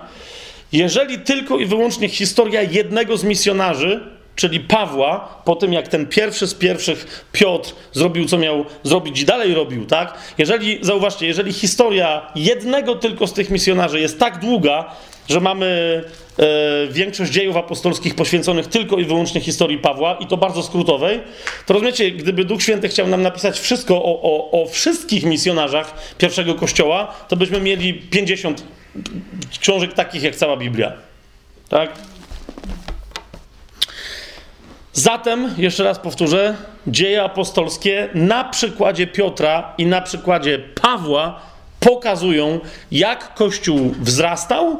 I druga bardzo istotna informacja, jak Kościół zasadniczo Pan chce, żeby zawsze wzrastał. Tak? To będzie teraz e, wyzwanie, zwłaszcza dla tych z Was, którzy e, czytali albo pobieżnie dzieje apostolskie, albo w ogóle nie czytali, albo czytali, ale nie w, e, w takim kontekście. To będzie wyzwanie zobaczyć, jak jest opisany pierwszy kościół. Okay? To, co się działo w historii Kościoła, niezależnie od tego, co ty teraz rozumiesz przez historię Kościoła, zawsze powinno być przykładane do modelu Kościoła, jaki jest pokazany w dziejach apostolskich. Nie chodzi mi o to, że zawsze i wszędzie to wszystko musi wyglądać tak samo, bo nie zawsze się da. Dzieje apostolskie pokazują Kościół, który miał w zasadzie idealną sytuację i został poddany prześladowaniu, i wtedy pewne rzeczy się zaczęły zmieniać, ale w dziejach apostolskich mamy pokazany ideał Teraz, teraz e, chociażby z tego powodu zauważ, kiedy czytając o tym ideale, jaką będziesz mieć reakcję w swoim sercu. Czy to będzie reakcja pod tytułem Wow, chcę mieć taki kościół? Czy to będzie reakcja, która cię sprowadzi na kolana do wołania: Panie, daj nam wreszcie taki kościół? Jak był deszcz wczesny, daj nam deszcz późny. Jak był deszcz jesienny, to daj nam wiosenny. Daj, żeby się wszystko zaczęło, daj, żebyśmy na powrót tak wyglądali, czy też będziesz czytać o tym kościele i sobie powiesz, o, jak to jest ideał, to ja się go boję. To jest też dobre, kiedy będziesz mieć taką reakcję i uczciwie sobie powiesz, boję się tego. Dlaczego? No, to znaczy, że trzeba się z mnóstwem rzeczy w sobie bardzo poważnie y, skonfrontować. Teraz bardzo szybko, kochani, mam nadzieję, że bardzo szybko, ale chcę Wam y, pokazać, żeby nie być gołosłownym, jeszcze raz, dzieje apostolskie 1.8, jak następnie ten plan jest naprawdę, nawet narracyjnie przez Łukasza mm, precyzyjnie wypełniany. Przyjmiecie moc Ducha Świętego, który zstąpi na Was i będziecie mi świadkami w Jerozolimie, w całej Judei, w Samarii i aż po krańce ziemi. To Pan Jezus powiedział i wstąpił do nieba. Plan jest Jerozolima, cała Judea, Samaria i aż po krańce ziemi. Yy, jeszcze raz, dlaczego akurat Samaria, a nie na przykład jakieś południowe tereny? Bo, kochani, Jerozolima oznacza takich, yy, takich Żydów, którzy się mieli za najbardziej właściwych Żydów. Tak? Jeżeli, bo tam była świątynia, tam byli wszyscy faryzeusze, saduceusze, kapłani, arcykapłani, to, to po prostu. A więc zaczniemy od najbardziej, yy, od ludzi, którzy się mają za najlepiej znających Pismo Święte, a przez to słowo Pismo Święte najlepiej znających Boga. Potem będzie Judea, a więc ci Żydzi, którzy niekoniecznie są z Jerozolimy, ale i tak są lepsi niż na przykład ci z Galilei. Pamiętacie, jak jeden z, z, z mędrców w cudzysłowie powiedział, czy może być coś dobrego z Galilei? Jeżeli coś nie było z Judei, to już nie było judaistyczne. No, tak, tak się zabawię językowo. Potem mamy Samarię, a, a więc to oznacza wszystko. No, Galilea to w zasadzie dla niektórych to była Samaria, dlatego była. Samaria to jest, wiecie, to jest. To są, to są, to są, to są mieszańce to są mutanci. Z punktu widzenia religijnego, e, ortodoksyjnego wyznawcy judaizmu tamtych czasów, tak? Samarytanin jest najgorszą możliwą rzeczą. Dlaczego? Bo, bo, bo jest de facto poganinem, który myśli, że jest Żydem i jeszcze śmie pouczać Żydów, że oni czegoś nie wiedzą. I jeszcze śmie twierdzić, że ma lepszą górę niż ta nasza w Jerozolimie i tak dalej, i tak dalej, tak? Więc Wiadomo, że dla e, komunistów sowieckich e, najgorsi nie byli kapitaliści, ale komuniści z Chin. Tak? I odwrotnie, dla komunistów z Chin najgorsi nie byli kapitaliści, ale komuniści z Rosji, dlatego że zawsze gorszym wrogiem jest ten, kto twoje własne wykrzywia. Więc jeszcze raz, Jezus powiedział: najpierw ci z Jerozolimy, potem ci z Judei, potem ci, o których myślicie, że nie są Żydami, i może nie są, a potem wszyscy inni poganie. Tak tak będzie wyglądać ten plan. I teraz zauważcie, Dzieje Apostolskie, pierwszy rozdział, wersety 12-14, co nam mówią? Że rzeczywiście w związku z tym, skoro wszystko ma się zacząć od Jerozolimy, to yy, jak czytamy w 12 wersecie, wtedy wrócili do Jerozolimy z góry zwanej Oliwną, daleko nie mieli, która leży blisko Jerozolimy w odległości drogi szabatowej, więc daleko nie mieli. A gdy przyszli, weszli do sali na górze, gdzie przebywali Piotr i Jakub, Jan i Andrzej, Filip i Tomasz, Bartłomiej i Mateusz, kolejny Jakub, syn Alfeusza i Szymon Zelota oraz Juda, brat Jakuba. Ci wszyscy trwali jednomyślnie w modlitwie i prośbach razem z kobietami, z Marią, matką Jezusa i jego braćmi. No i tam jest potem historia, y, bo miało ich być 12 zawsze, a się okazało, że z 11, ale na razie się tym nie będziemy zajmować. Teraz drugi rozdział, pierwszy werset.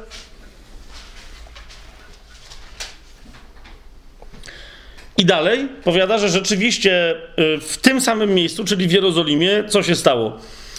Drugi rozdział. Kiedy nadszedł dzień pięćdziesiątnicy, wszyscy byli jednomyślnie na tym samym miejscu. Nagle powstał odgłos z nieba i tak dalej. Stąpił na nich, yy, stąpił na nich Duch Święty.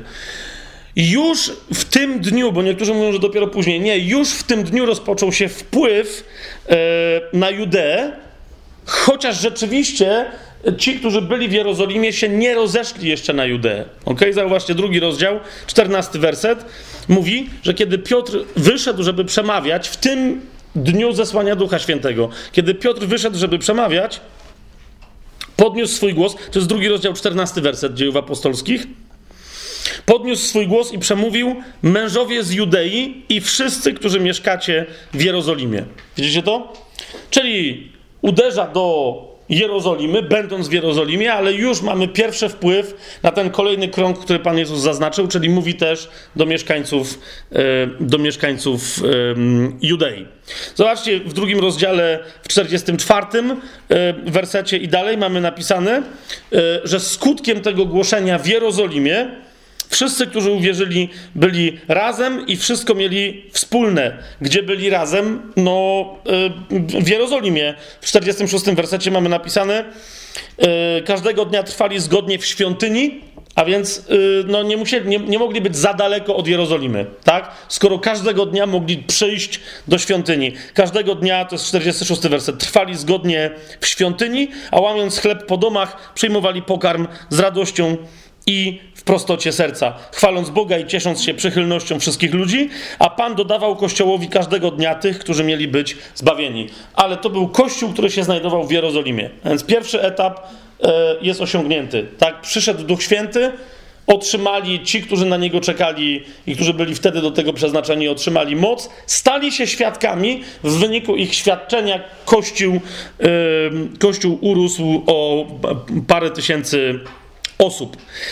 Teraz następny etap mamy zaznaczony w dziejach apostolskich w ósmym rozdziale. Ponieważ y, ten kościół w Jerozolimie, y, wiecie, Pan Jezus powiedział wyraźnie, pójdziecie na cały świat, tak? Jerozolima, Judea, Samaria, a tymczasem, że tak powiem, mija nam trzeci, mija nam czwarty rozdział, mija nam piąty, mija nam szósty, mija nam siódmy i Kościół jest cały czas w Jerozolimie, tak? Aż do czasu wystąpienia Szczepana, pierwszego męczennika, w, wyniku, no, w wyniku którego to wystąpienia Szczepan właśnie staje się pierwszym męczennikiem i w ósmym rozdziale mamy zaznaczone, że Kościół poszedł wreszcie dalej. To jest ósmy rozdział, pierwszy werset. Szaul zgodził się na zabicie go, rozmowa o Szczepanie. W tym czasie zaczęło się wielkie prześladowanie kościoła w Jerozolimie i wszyscy oprócz apostołów rozproszyli się po okolicach, uwaga czego? Judei i Samarii. A więc wreszcie rozkaz Pana Jezusa e, został, został wypełniony. Poszli dalej. Niektórzy twierdzą, nie chcę się teraz w to za bardzo wdawać, niektórzy twierdzą, że w ogóle to prześladowanie było, jakby nie do końca było w planie że być może ono by się nie zaczęło, gdyby Kościół szybciej zaczął wypełniać posłannictwo Jezusowe. Jasne jest to, to, co mówię? Czyli po prostu, gdyby, wiecie, zaczęli budować Kościół, ale zaczęli, gdyby od razu zaczęli wysyłać misjonarzy. E, jeszcze raz, nie do końca mi się podoba takie przedstawienie sprawy, bo ono oznacza, że jak Kościół się nie rusza, to, to nie wiem, Bóg zsyła na niego prześladowanie, czy to, to jest trochę dziwne. Niemniej faktem pozostaje, że rzeczywiście Kościół rozszedł się dalej poza Jerozolimę bardzo wyraźnie pod wpływem yy, prześladowania. W dziewiątym rozdziale, w trzydziestym pierwszym wersecie yy, mamy już informację o tym, że, uwaga, kościoły w całej Judei, Galilei i Samarii Zauważyliście to? Kościoły w całej Galilei, Judei, Galilei i Samarii cieszyły się pokojem, budując się i żyjąc w bojaźni pańskiej i rozrastały się przez pociechę e, Ducha Świętego. To jest dziewiąty rozdział. Ale w ósmym rozdziale, jeżeli tam pozwolicie, że wrócimy, w czterdziestym, e, w czterdziestym wersecie, e, no, jakby równolegle słyszymy też, że tacy ewangeliści jak na przykład Filip, który wtedy jak ruszył, to ruszył, znalazł się w Azocie, to jest 8 rozdział 40 werset, Filip znalazł się w Azocie, a obchodząc wszelkie miasta, głosił Ewangelię, aż dotarł do Cezarei. Jeszcze raz, to nie znaczy, że Ewangelia trafiła tam do pogan, bo wygląda na to, i zaraz sobie wyjaśnimy, e, dlaczego tak było. Wygląda na to, że, że nawet w miastach pogańskich ewangeliści nadal głosili tylko Żydom, okay? ale widać, że Ewangelia zaczęła iść dalej niż tylko do Judei i do Samarii. To była Judea, Galilea i Samaria. Teraz mamy sławny rozdział 10, nie będziemy go w ogóle dzisiaj y, dotykać, ale mamy informację w 10 rozdziale, że właśnie w tej Cezarii, gdzie między innymi y, znalazł się Filip, Zobaczcie, dziesiąty rozdział, pierwszy werset mamy napisane w Cezarei, był pewien człowiek imieniem Korneliusz, setnik z oddziału zwanego italskim i tak dalej, i tak dalej, i tak dalej. I teraz do tego Korneliusza Bóg posyła Piotra.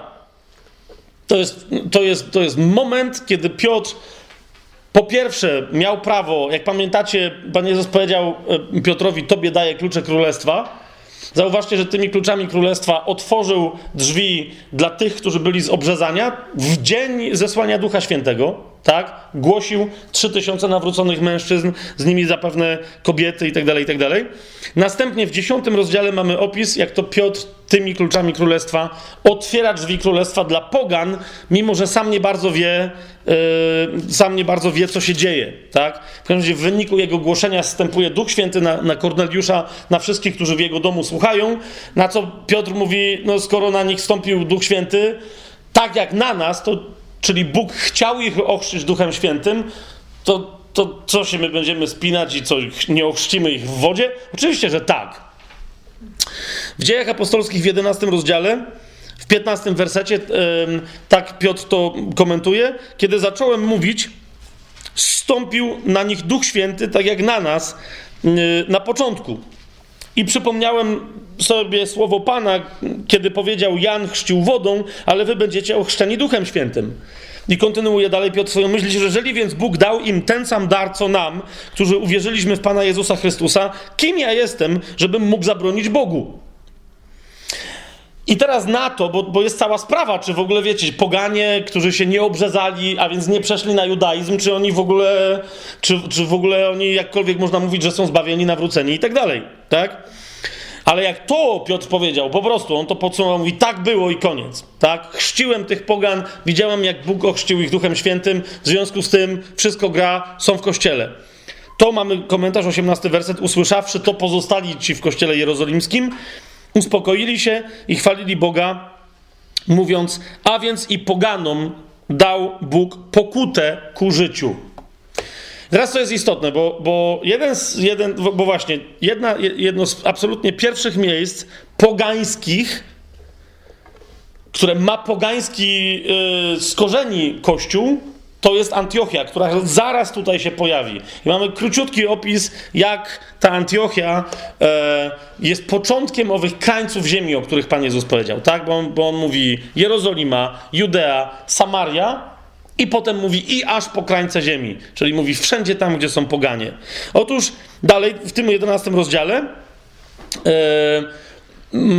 Łukasz daje komentarz, mówi, no ale kiedy oni tam se gaworzyli na temat Cezarei i że, i że nad poganami się też e, zlitował Bóg, to akcja ewangelizacyjna tych, którzy ruszyli pod wpływem pierwszego prześladowania trwała dalej i oni jeszcze, wiecie, nie było wtedy SMS-ów, nie było internetu, nie było nawet poczty za dobrej, więc to oni nie wiedzieli za bardzo, co się jeszcze co się dzieje, tak? Więc mamy taki komentarz w 19 wersecie, lecz ci, których rozproszyło prześladowanie, jakie wybuchło z powodu Szczepana, a więc to pierwsze, dotarli aż do Fenicji, na Cypr i do Antiochii.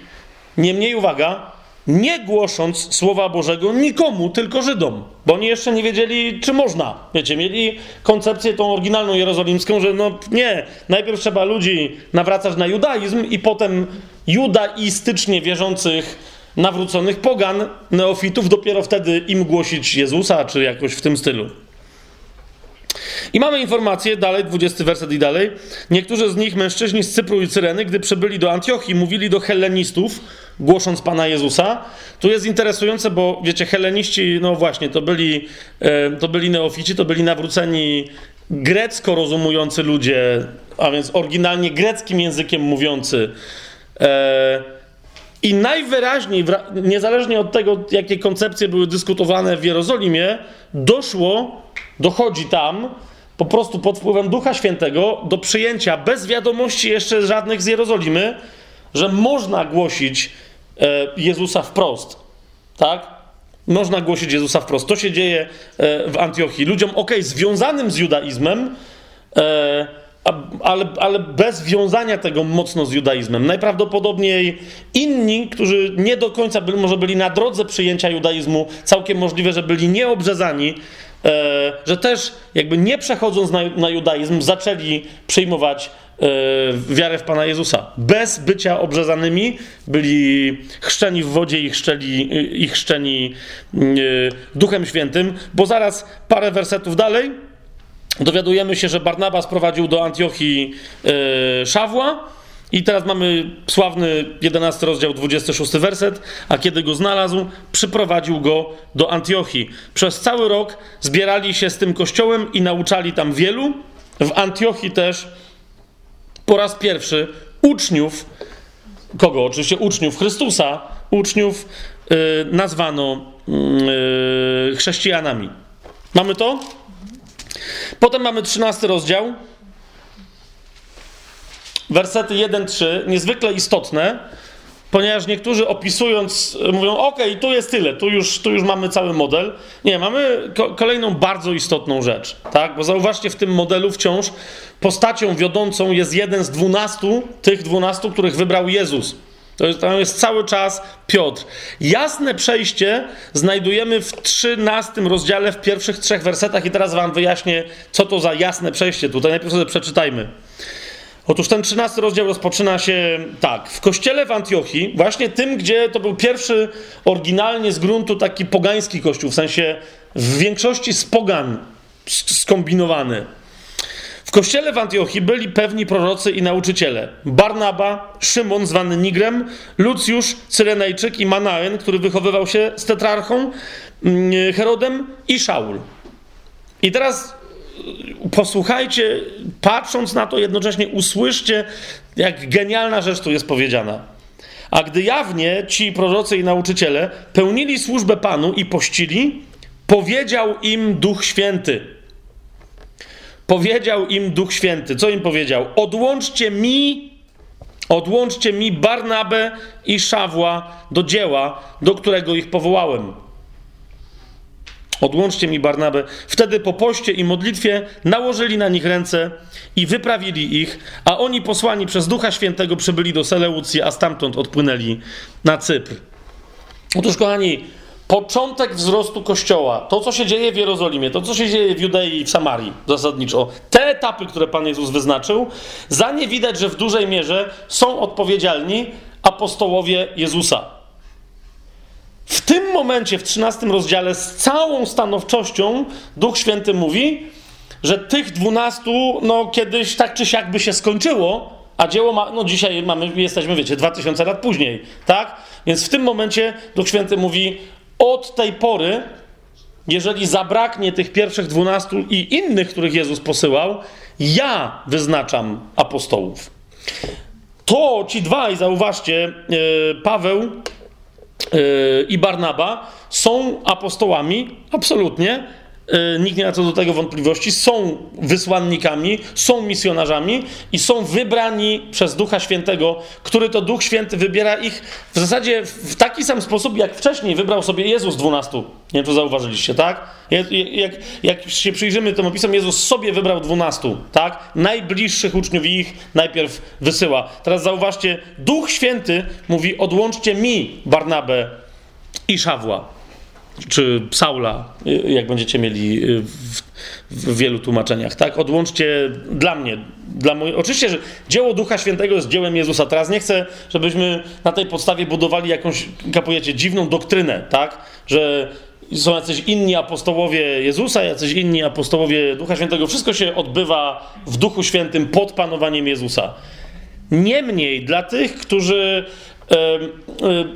którzy, którzy mają taką teologię, że, że, że służby się skończyły, że należały tylko do pierwszego kościoła, że apostolstwo, jeszcze raz mówię, w tym sensie taka misyjność, że to jest coś, co tylko charakteryzowało pierwszy kościół, wręcz było tylko należne pierwszym dwunastu wybranym przez Pana Jezusa, no tu wyraźnie widać, że no nie, Duch Święty w ramach tego, jak dla Pana Jezusa, aby Go uwielbić, prowadzi dzieło nowego życia w kościele, w ramach tego podnosi e, apostołów. Przyznam, że kiedyś miałem e, sam taką wizję i, i, i raz czy drugi o tym mówiłem, że w momencie, kiedy umarł Judasz, który się zabił, i z dwunastu zrobiło się jedenastu, a od początku miało być dwunastu, Paweł był tym, który uzupełnił tego dwunastego. Bo, bo wiecie, tych dwunastu ma bardzo naprawdę specjalny wymiar, tak? Jezus im mówi, że to ich zadaniem nie było tylko posłannictwo, e, misja określona, ale ich zadaniem będzie na przykład sądzić 12 pokoleń Izraela. Jezus o tym mówi. Jest wyraźnie powiedziane, że kiedy stąpi nowe Jerusalem z nieba, że na murach tego miasta będzie wypisanych 12 imion tych apostołów, których Jezus wybrał. Tych konkretnych. I teraz się wydawało, ok, no w takim razie to jest tylko 12 apostołów i tyle, tak? I teraz jak Judasz umarł, no to tam zapewne komu by się należało miejsce po nim? Wiecie o co mi chodzi, tak? Pawłowi. I nawet yy, mówiłem o takiej historii, że no ja wiem, że wybrali Macieja, mieli tam dwóch i wybrali Macieja, ale wiem, no ale to było bez Ducha Świętego, co widać po tym, że rzucali losy. Jak przyszedł Duch Święty, to dopiero pokazał, że to miejsce się należy yy, Pawłowi. Otóż, kochani, dawno się już wycofałem z, z, tej idei. E, nie będę, jak będziemy więcej mówić o apostołach, jeszcze więcej i o dwunastu, i o, o, o, innych apostołach, to, to wtedy o tym y, powiem więcej, ale jak y, uważnie czytacie słowo, to zauważycie, że wybór Macieja na dwunastego w miejsce Judasza jest uznany przez Ducha Świętego jest wyborem Jezusowym w momencie, kiedy Jezu, po, po, począwszy od tego fragmentu, kiedy Piotr wychodzi i razem z nim reszta apostołów, wśród nich jest Maciej, jest powiedziane, że wyszedł Piotr i pozostałych jedenastu. Jeżeli Słowo Boże mówi, tak, że, że Piotr i pozostali to był on jeden i jedenastu, to znaczy, że Maciej, bo jeszcze wtedy nie ma żadnego Pawła, to znaczy, że Maciej jest wliczony w dwunastkę tak? I to jego imię, nie Pawła, będzie na, na, na, na murach Jerusalem. Natomiast Paweł, oczywiście, że jest apostołem Barnaba i zresztą Paweł o innych też apostołach, będziemy o tym mówić, wspomina chociażby w liście do Rzymian, także o kobietach apostołach. No, to, to, jest, e, to, jest bardzo, to jest bardzo ciekawe. Tak, jedną konkretną z, z imienia każe pozdrowić jako przykład y, apostolstwa. Tak? Więc jeszcze będziemy o tym y, więcej mówić. Chodzi mi tylko o to, że sama ta służba tak? Kościół od początku jest apostolski. Jeszcze raz powtarzam, w moim rozumieniu to oznacza naj, najgłębsze, najpełniejsze znaczenie, ale jednak prostego słowa misja. Kościół od początku jest misyjny, w tym sensie apostolski, nigdy nie przestał być misyjny, czyli apostolski, i teraz tym bardziej jest istotne, żeby, żeby ten charakter apostolski, służebny, misyjny wysłanniczy, że się tak brzydko wyraża, żeby go umacniać i, i podkreślać. W 13 rozdziale, w 12 wersecie, bo się chcę tu w, w miarę sprawnie zakończyć. W 13 rozdziale, w 12 y, wersecie, kiedy Duch Święty wysyła y, swoich y, apostołów, mamy już bezpośrednie głoszenie poganom, Jednym z tych pierwszych e, e, pogan, do których trafia e, Szymon z Barnabą, Jest ktoś, od którego no niektórzy uważają wręcz, że, że Paweł zaczerpnął swoje imię, ponieważ o nim Słowo Boże mówi, że Duch Święty zażądał Barnabę i Szawła i, i on jedno z najbardziej spektakularnych pierwszych nawróceń, jakie zwyciężają dla Pana Jezusa Barnaba i Szaweł, to jest nawrócenie, zobaczcie w siódmym wersecie człowieka, mm, Y, y, y, który się nazywa Sergiusz Paweł. Znaczy w siódmym wersecie pojawia się jego imię, tak? Sergiusz Paweł. E, natomiast w dwunastym wersecie się dowiadujemy, że, że ów prokonsul, e, kiedy zobaczył znak e, proroczy, który wykonał e, Szaweł, wtedy prokonsul, e, widząc co się stało, to jest dwunasty werset, uwierzył, zdumiewając się nauką e, Pana. I od tej pory Szaweł od nawrócenia prokonsula Sergiusza Pawła jest nazywany Pawłem. Także nie mówię, że to z tego wynika, że nawrócił prokonsula Pawła, ale od tej pory Szaweł e, nagle przez Łukasza, nie tak nagle, ale jest nazywany zasadniczo Pawłem, a nie Y, Szawłem. Mamy spektakularne nawrócenie, yy, spektakularne nawrócenie Poganina, ale jeszcze widać, że Barnaba yy, z Szawłem, Pawłem próbują głosić Żydom. Zobaczcie, dalej w 14 wersecie tego 13 rozdziału opuścili Pergę, dotarli do Antiochii Pizydyjskiej, a więc innej, a w dzień szabatu weszli do synagogi i usiedli i zaczęli tam głosić Żydom, tak? I teraz jak się to skończyło? E, w 43 wersecie i dalej czytamy, kiedy zgromadzenie się rozeszło, wielu Żydów i pobożnych prozelitów poszło za Pawłem i Barnabą, którzy w rozmowie radzili im, aby trwali w łasce Boga. A w następny szabat niemal całe miasto zebrało się, aby słuchać Słowa Bożego. Kiedy Żydzi zobaczyli tłumni, tłumy, pełni zawiści sprzeciwiali się słowom Pawła, występując przeciwko nim i nawet bluźniąc. A Paweł i Barnaba powiedzieli odważnie: Wam najpierw miało być zwiastowane Słowo Boże. Tu mamy kolejny przełom w dziejach apostolskich, bardzo wyraźny. Wam najpierw miało być zwiastowane Słowo Boże. Skoro jednak je odrzucacie i uważacie się za niegodnych życia wiecznego, zwracamy się do Pogan. Tu jest moment. E, oni później nadal, Paweł wielo, on nie przestaje, wiecie, głosić w synagogach, tak? Ale tu jest moment według mnie jednoznaczny, e, kiedy w sercu Pawła dochodzi do odkrycia tego, ok, ja mogę dalej głosić, e, głosić Żydom, nie ma żadnego problemu. W liście do Rzymian mówi, że, że Paweł byłby podać, gotów się podać najgorszej karze, żeby wszyscy oni dostąpili zbawienia, ale jednak wie, gdzie jest posłany. Jest posłany jest posłany do pogan.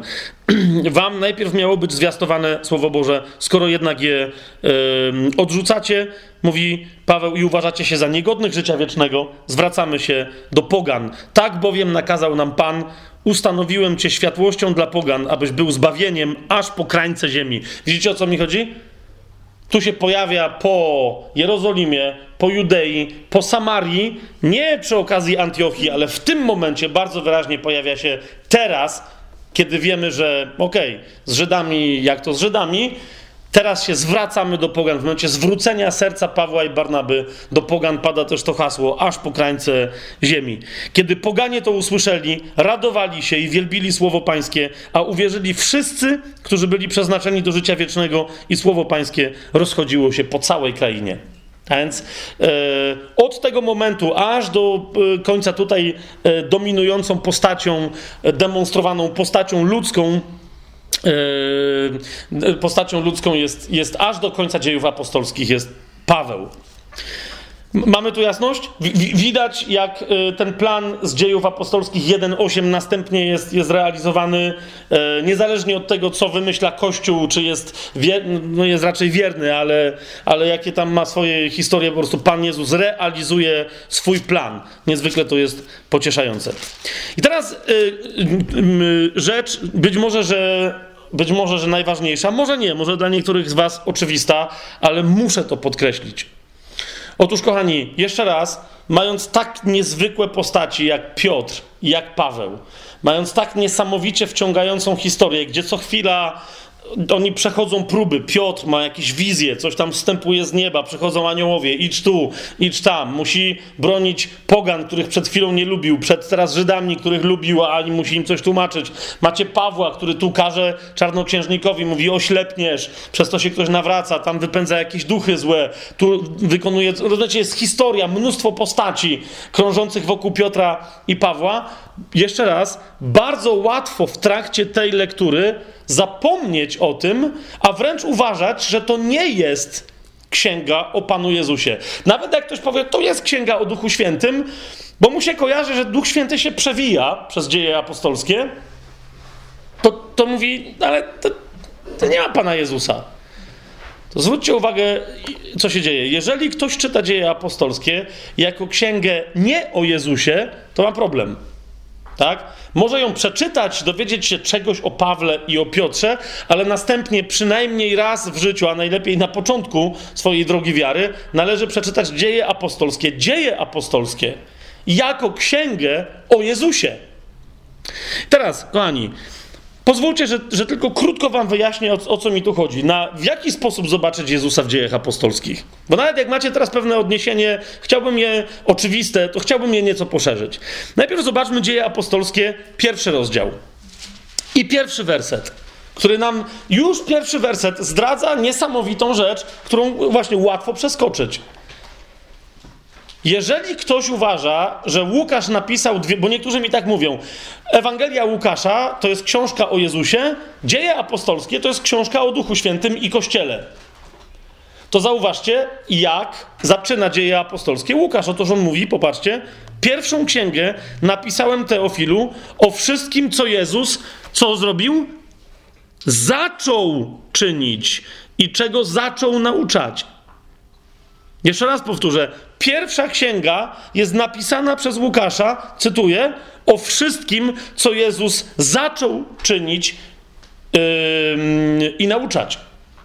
Co to oznacza? Że pierwsza księga jest o tym, co zaczął czynić, a druga, tak to zresztą wynika z gramatyki, ale za chwilę pójdziemy jeszcze dalej, druga jest o tym, co kontynuował w ramach czynienia i nauczania.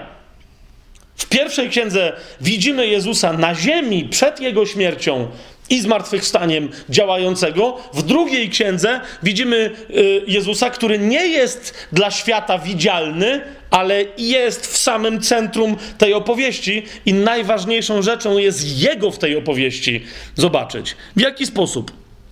Otóż najpierw na, po prostu na oczywiste rzeczy wam zwracam uwagę, tak? Yy, otwórzmy sobie Ewangelię Mateusza, 18 rozdział. Tam, gdzie Jezus mówi o mocy modlitwy, swoją drogą yy, zwróćcie uwagę, że wszędzie, gdzie Jezus mówi o mocy modlitwy, w ogóle gdzie Jezus mówi o modlitwie, yy, zasadniczo każe nam się modlić w liczbie mnogiej. Nie wiem, czy to czy zauważyliście, tak? Jak przyszli i mówią, naucz nas się modlić, on mówi, to wy, wy tak się módlcie, Ojcze nasz, który jesteś w niebie. Tak? To zasadniczo nie powinna być modlitwa moja, to powinna być modlitwa nasza. Z kimś powinienem wejść w ten, w ten rodzaj modlitwy. Ale w dziejach, w Ewangelii Mateusza w 18 rozdziale Jezus yy, mówi następującą rzecz, gdzie swoją drogą yy, to jest jed, jeden, jedno jedyne miejsce, które w miarę wprost mówi o Kościele. Zauważcie 18 yy, rozdział 17 werset yy, tego Mateusza jeśli Kościoła nie usłucha, niech będzie dla ciebie jak poganin i celnik. E, Jezus zasadniczo nie mówi o Kościele w swoich nauczaniach. To jest jeden, jedyny taki, wiecie, wyjątkowy moment, kiedy Jezus mówi o Kościele. I teraz ta, ten, ten, jego ciąg myśli tutaj o Kościele przechodzi między innymi przez to sformułowanie w 18 rozdziale, w 20 wersecie, gdzie Jezus mówi wprost, gdzie bowiem dwaj albo trzej są zgromadzeni w moje imię. Eklezja to jest zgromadzenie Boże. Zgromadzenie się rozpoczyna od dwóch albo trzech. Gdzie bowiem dwaj albo trzej są zgromadzeni w moje imię, tam jestem pośród nich. pierwsza bardzo istotna rzecz. Jeżeli widzisz Kościół, jeżeli widzisz po prostu teraz nawet zgromadzenie ludzi, którzy się gromadzą w imieniu Jezusa i nie widzisz Jego pośród nich, to znaczy, że masz oglądanie cielesne i w ogóle nie widzisz, co się dzieje. Tak? To może być zgromadzenie ludzi, którzy wyznają nie Twoją teologię, nie zgadzasz się z nią, nie? ale jeżeli masz pewność, że to są ludzie, którzy są nowonarodzeni, przez śmierć i zmartwychwstanie Chrystusa, przez Jego drogocenną krew są odkupieni tak samo jak Ty, to niezależnie od tego, jak kto jest w błędzie, jeżeli te dwie albo trzy osoby się gromadzą w imię Jezusa, to jest Kościół i patrzysz na Kościół i patrzysz na Jezusa, który jest pośród nich. Okej, okay, możesz za chwilę powiedzieć, ale Jezus pośród nich na pewno cierpi. To jak jest nasze zgromadzenie, u nas się cieszy, a wśród nich na pewno cierpi. Może i cierpi, to go dostrzeż cierpiącego, ale go dostrzeż nie po to, żeby powiedzieć, wśród was Jezus cierpi, tylko dostrzeż Jego. Rozumiecie, o co mi chodzi? Gdzie dwie albo gdzie dwaj albo trzej są zgromadzeni w moje imię, tam jestem pośród nich. Zasadniczo dzieje apostolskie od początku, pamiętacie, wszyscy poszli do Jerozolimy, zanim jeszcze przyszedł Duch Święty, byli zgromadzeni w jednym miejscu, tak? To jest to. Od początku ma... Jezus poszedł do nieba, ale jednocześnie jest duchowo, nieustannie ze swoim kościele naprawdę. W 28 rozdziale tejże samej Ewangelii, po tym wielkim posłannictwie, posłannictwie, które już cytowaliśmy, gdzie Jezus mówi idźcie i nauczajcie wszystkie narody i tak dalej, to jest sam koniec Ewangelii Mateusza, 28 rozdział, 20 werset. Jezus mówi wprost, a oto ja jestem z wami przez wszystkie dni, aż do końca świata. Amen lub też do końca tego wieku, czy tej epoki, tak, bo to tam jest y, takie sformułowanie w języku greckim. Mówi: Ja jestem z wami przez wszystkie dni, aż do skończenia świata, aż do końca, yy, aż do końca tej epoki. Jestem z wami. Jeżeli więc masz ludzi, którzy są przez pogan nazwani chrześcijanami, jeżeli masz ludzi, których dzieje apostolskie nazywają uczniami Chrystusa, to znaczy, że musisz tam dostrzec Jezusa, jeżeli go nie widzisz, to znaczy, że masz bardzo poważny problem. Ale jeszcze raz, bo nie tylko, nie y, chodzi o bardzo konkretne widzenie Jezusa. Nie to, że, a okej, okay, czyli czytam tam o jakichś ludziach i teraz chodzi mi o to, że mam widzieć Jezusa. Okej, okay, dobra, fajnie. Nie, nie, nie, idźmy dalej. Ewangelia Jana. Zobaczcie, zobaczcie co się dzieje, bo, bo Jezus naprawdę konkretne rzeczy nam, yy, nam wyjawia.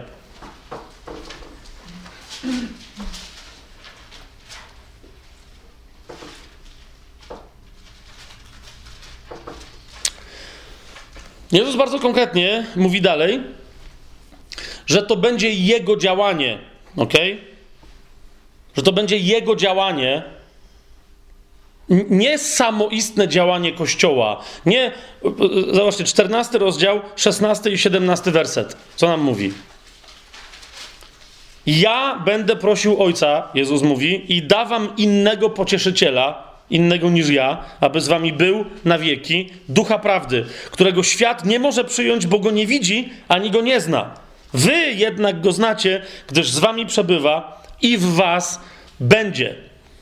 Eee, za każdym razem więc, kiedy, kiedy w dziejach apostolskich widzisz ludzi, którzy nie mają Ducha Świętego, i potem nagle widzisz, że go mają, którzy nie doświadczają mocy Ducha Świętego i potem tej mocy doświadczają, zrozum, bo niektórzy też mówią, no bo się modlili, to dostali. To, rozumiesz, to nie jest tak, że modlitwa o Ducha Świętego wywołuje automatycznie reakcję. Wrzuciłeś pieniążka i w związku z tym macie, wiesz, wciskasz siedem dar Ducha Świętego i wyskakuje ci kola. Wiesz o co mi chodzi?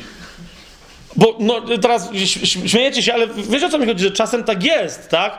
Że ktoś się modli, modlimy się o chrzest w Duchu Świętym i teraz tego, te, biorą tego, no nieważne, tak? Bo niektórzy może będą pamiętali tą sytuację, biorą tego chłopa, czepią nim i mówią, no! Jakby rozumiecie, jakby on miał tego Ducha Świętego wywołać, jeszcze za mało pragniesz, drzyj się i on, przejdź Duchu Świętym, rozumiecie?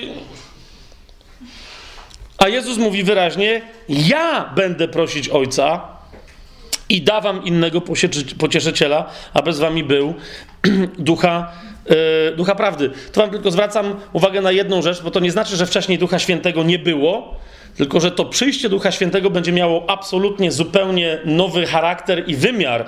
Zauważcie, w 17 wersecie Jezus mówi: Wy jednak go znacie, gdyż z wami przebywa. A więc on już z wami przebywa, ale mówi: Stanie się coś zupełnie nowego. On teraz z wami przebywa, a od tej pory, jak to się stanie, będzie w was się stanie zupełnie jeszcze jakaś rzecz, której w tym momencie nie doświadczacie. Dlaczego y, o tym mówię? Bo w siódmym rozdziale Ewangelii Jana Niektórzy na podstawie tego fragmentu mówią, że nie, nie, że Duch Święty przyszedł dopiero w dzień pięćdziesiątnicy, że wcześniej był nieobecny, dlatego że jest powiedziane w siódmym rozdziale mm, Ewangelii y, Jana 38-39 werset.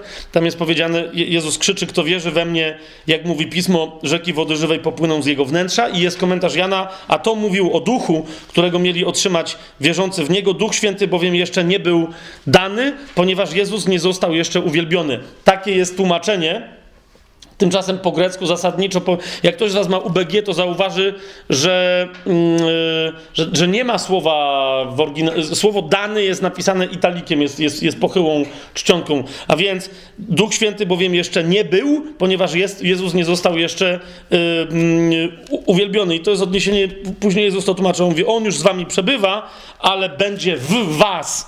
Jego jeszcze nie było w tych, nie było tego doświadczenia otwarcia się źródła przepływu Ducha Świętego, mocy żywej wewnątrz człowieka, tak żeby doświadczyć wylania Ducha Świętego, które nawiasem mówiąc, e, wobec tego, co Pan Jezus mówi, jest, jest wylaniem z wnętrza na zewnątrz, także my jesteśmy pod mocą Ducha Świętego, a niekoniecznie jest, jest wylaniem go z nieba na nas, jak na puste naczynie, jak do, nie wiem, pustej szklanki czy czegoś takiego. Ale teraz nie będziemy mówić o, yy, nie będziemy teraz mówić o Duchu Świętym.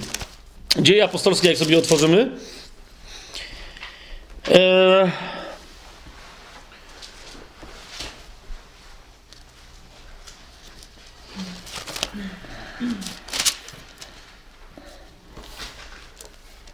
Aha, nie, jeszcze wróćmy do tego 14 rozdziału, bo ja tu y, się trochę zapędziłem, a jedną rzecz po potrzebuję powiedzieć.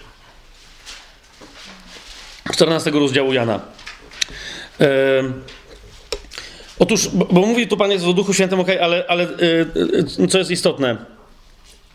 Otóż Jezus nie tylko mówi, że, e, że będzie mm, gdzie dwaj albo trzej się, się gromadzą w moje imię, tam ja jestem pośród nich, tak?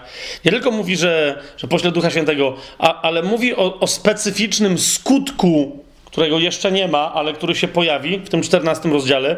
Dalej, zobaczcie, 18 werset i dalej. Mówi, nie zostawię was sierotami, przyjdę do was. E, I tu nie tylko chodzi o powrót, o to, że my czekamy, aż Jezus, yy, aż Jezus powróci, E, ale mówi, zauważcie, 21 werset i dalej, mówi, kto ma moje przykazania i zachowuje je, ten mnie miłuje, a kto mnie miłuje, będzie go też miłował mój ojciec i ja go będę miłował i objawię mu samego siebie. Nie w czasie powrotu, bo zauważcie, Jezus mówi dalej. Judasz tam oczywiście ma jakiegoś wąta i mówi, pan, co to jest, że masz się objawić nam, a nie światu. Jezus mu odpowiada bardzo precyzyjnie: Jeżeli ktoś mnie miłuje, będzie zachowywać moje słowo, i mój ojciec go um, umiłuje, uwaga, i przyjdziemy do niego i u niego zamieszkamy. A więc Jezus mówi: Zanim ja powrócę na ziemię, waszym doświadczeniem duchowym będzie moje przyjście do waszego wnętrza i przyjście Ojca i zamieszkiwanie mnie i Ojca w waszych wnętrzach, w waszym wnętrzu. Jeżeli tylko będziecie wierni e, mojemu słowu. I teraz, I teraz zauważcie dzieje apostolskie. Chcę wam pokazać ten klasyczny moment, ale też niech on otworzy wszystkie inne momenty w tej lekturze. W dziejach apostolskich w ósmym rozdziale, w trzecim wersecie jest powiedziane, że e, Saul, Szaul albo Szaweł, zanim jeszcze się nawrócił, no, był strasznym człowiekiem i niszczył kościół. Jest wyraźnie powiedziane, zauważcie, dzieje apostolskie, ósmy rozdział, trzeci werset, jest wyraźnie powiedziane, tymczasem Szaul niszczył kościół. Widzicie to, to zdanie? Szaul niszczył kościół. I teraz jest drugie bardzo mm, ważne zdanie. Wchodził do domów, wywlekał mężczyzn i kobiety. To jest bardzo istotne. Mężczyzn i kobiety i wtrącał ich do więzienia. Mamy to? Szaul niszczył kościół, kościół atakując mężczyzn i kobiety. Normalnie e, w Biblii to nie jest takie oczywiste, w sensie, żeby kobiety przywoływać, że jest jasne, że kobiety gdzieś tam się plączą, tak? Gdzieś tam się krą, gdzieś tam krążą, one się zawsze przyłączają. Jakby, no wybaczcie mi, bo to nie, tylko chodzi mi o to, że wiecie, zwłaszcza w Starym Przymierzu, takie faceci są istotni, a tam kobiety zawsze są, no i to, to nie jest problem. Kobiety, dzieci i cała reszta dobytku. A tu jest zupełnie nowy, nowy on jest bardzo istotny, żeby powiedzieć mężczyźni i kobiety. Kobiety i mężczyźni. Szaweł niszczył kościół, wchodził do domów, wywlekał mężczyzn i kobiety. I teraz zobaczcie dziewiąty rozdział, kiedy dochodzi do sławetnego spotkania tego Szawła, wciąż dyszące, dyszącego, dyszącego rządzą, jak dziewiąty rozdział, pierwszy werset mówi, Szaweł dysząc jeszcze groźbą yy, i rządzą mordu wobec uczniów Pana, poszedł i tam zdobył jakiś tam yy, nakaz, żeby ich ścigać. I teraz uważajcie, w, drugim wersecie jest powiedziane, jeśli, że, żeby mógł, jeśli by znalazł zwolenników tej drogi, zarówno mężczyzn, jak i kobiety. Widzicie to? Kolejny raz, zarówno mężczyzn, jak i kobiety. Bardzo istotne. I teraz patrzcie, trzeci werset. Kiedy jadąc zbliżał się do Damaszku, idąc, ok, nagle olśniła go światłość z nieba, upadł na ziemię i usłyszał głos, który mówił do niego bardzo ważne zdanie. Szawle, szawle, Saulu, Saulu, dlaczego mnie prześladujesz? Dlaczego mnie prześladujesz? Wtedy zapytał go Szaul, kim jesteś, panie?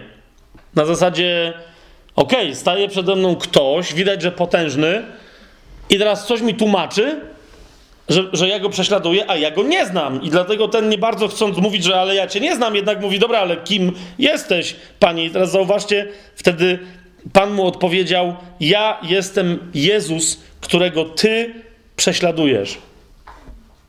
Hmm?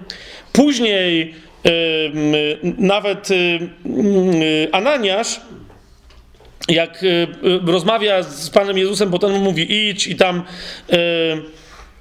Zauważcie w 13 wersecie 9 rozdziału Ananiasz nie chce usłużyć Szawłowi.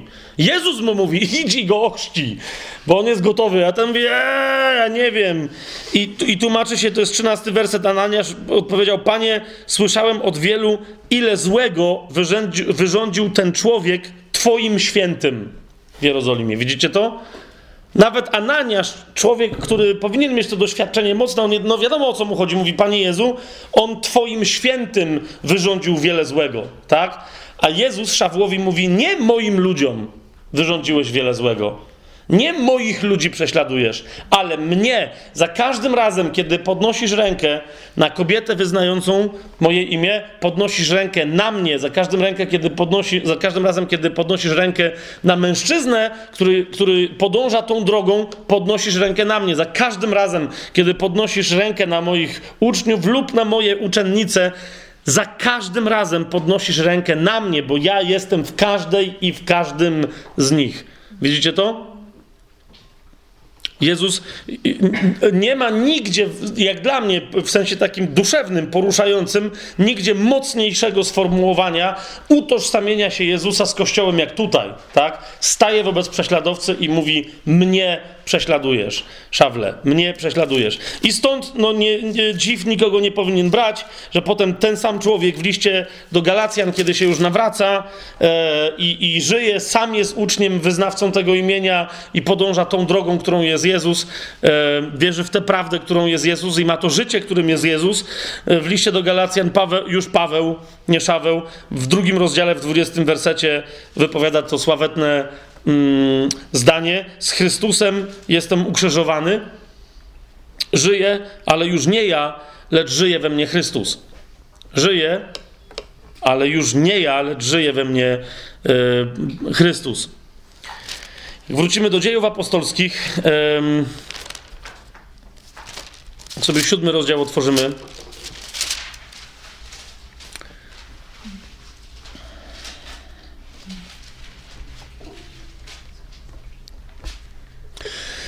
Bo, bo, bo rozumiecie, niektórzy mówią, no masz rację, no pojawił się Jezus Szawłowi, pojawił się Jezus e, Szczepanowi, więc rzeczywiście jest Jezus w narracji dziejów apostolskich, tak? E, w siódmym rozdziale 55-56 werset, Szczepan pod koniec swojego głoszenia, kiedy właśnie ma oddać życie, jest, mamy taki opis, a on pełen Ducha Świętego, to jest Szczepan, patrzył uważnie w niebo i ujrzał chwałę Boga i Jezusa stojącego po prawicy Boga. I powiedział: Oto widzę niebiosa otwarte i Syna Człowieczego stojącego po prawicy Boga. Oni podnieśli krzyk, zatkali sobie uszy i jednomyślnie się na niego e, rzucili. Ale, ale oczywiście widzicie, nawet w tego rodzaju, nawet w tego rodzaju szczegółach, bo niektórzy mówią, no ale tu jest Jezus, ale widzicie, nawet w, nawet w, te, w tym drobiazgu tutaj, który nie jest żadnym drobiazgiem, zauważcie, wszędzie, we, we wszystkich innych miejscach jest powiedziane, że Jezus po prawicy Ojca co? Zasiada. Zauważyliście? Jezus po prawicy Ojca zasiada. Teraz niektórzy mówią, no ale no, czasem no, ten mówi, że zasiada, ten mówi, że stoi. A co jeżeli Jezus normalnie zasiada, a w momencie, kiedy przychodzi ktoś, dając ostateczne świadectwo całym swoim życiem, że wierzy w Jezusa i, i się go nie zaprze, co jeżeli jednak tak jest, że Jezus normalnie siedzi, a na powitanie kogoś takiego wstaje? Wiecie o co mi chodzi? Bo ja kiedyś słyszałem takiego, to, to takie nauczenie, że sobie, a okej, okay, ale potem sobie pomyślałem, nie, dlaczego mam nie wierzyć Duchowi Świętemu, który mi napisał, e, że Szczepan widział, co widział, a, a nie powiedział, że był oszalały, tylko powiedział wyraźnie, że był on pełen Ducha Świętego i patrzył uważnie w niebo. I zauważył chwałę Boga i Jezusa stojącego po prawicy Boga. I, i, I, powtórzył to, widzę niebiosa otwarte i Syna Człowieczego stojącego po prawicy Boga. Jeszcze raz, zauważcie, drobny szczegół. Jezus normalnie zasiadający po prawicy, bo jest królem, tak? Siedzi na tronie razem z Ojcem. W tym momencie, wobec tego, co się dzieje ze Szczepanem, pierwszy męczennik stoi. Nawet ten, znaczy ten moment jest, jest, jest genialny, tak?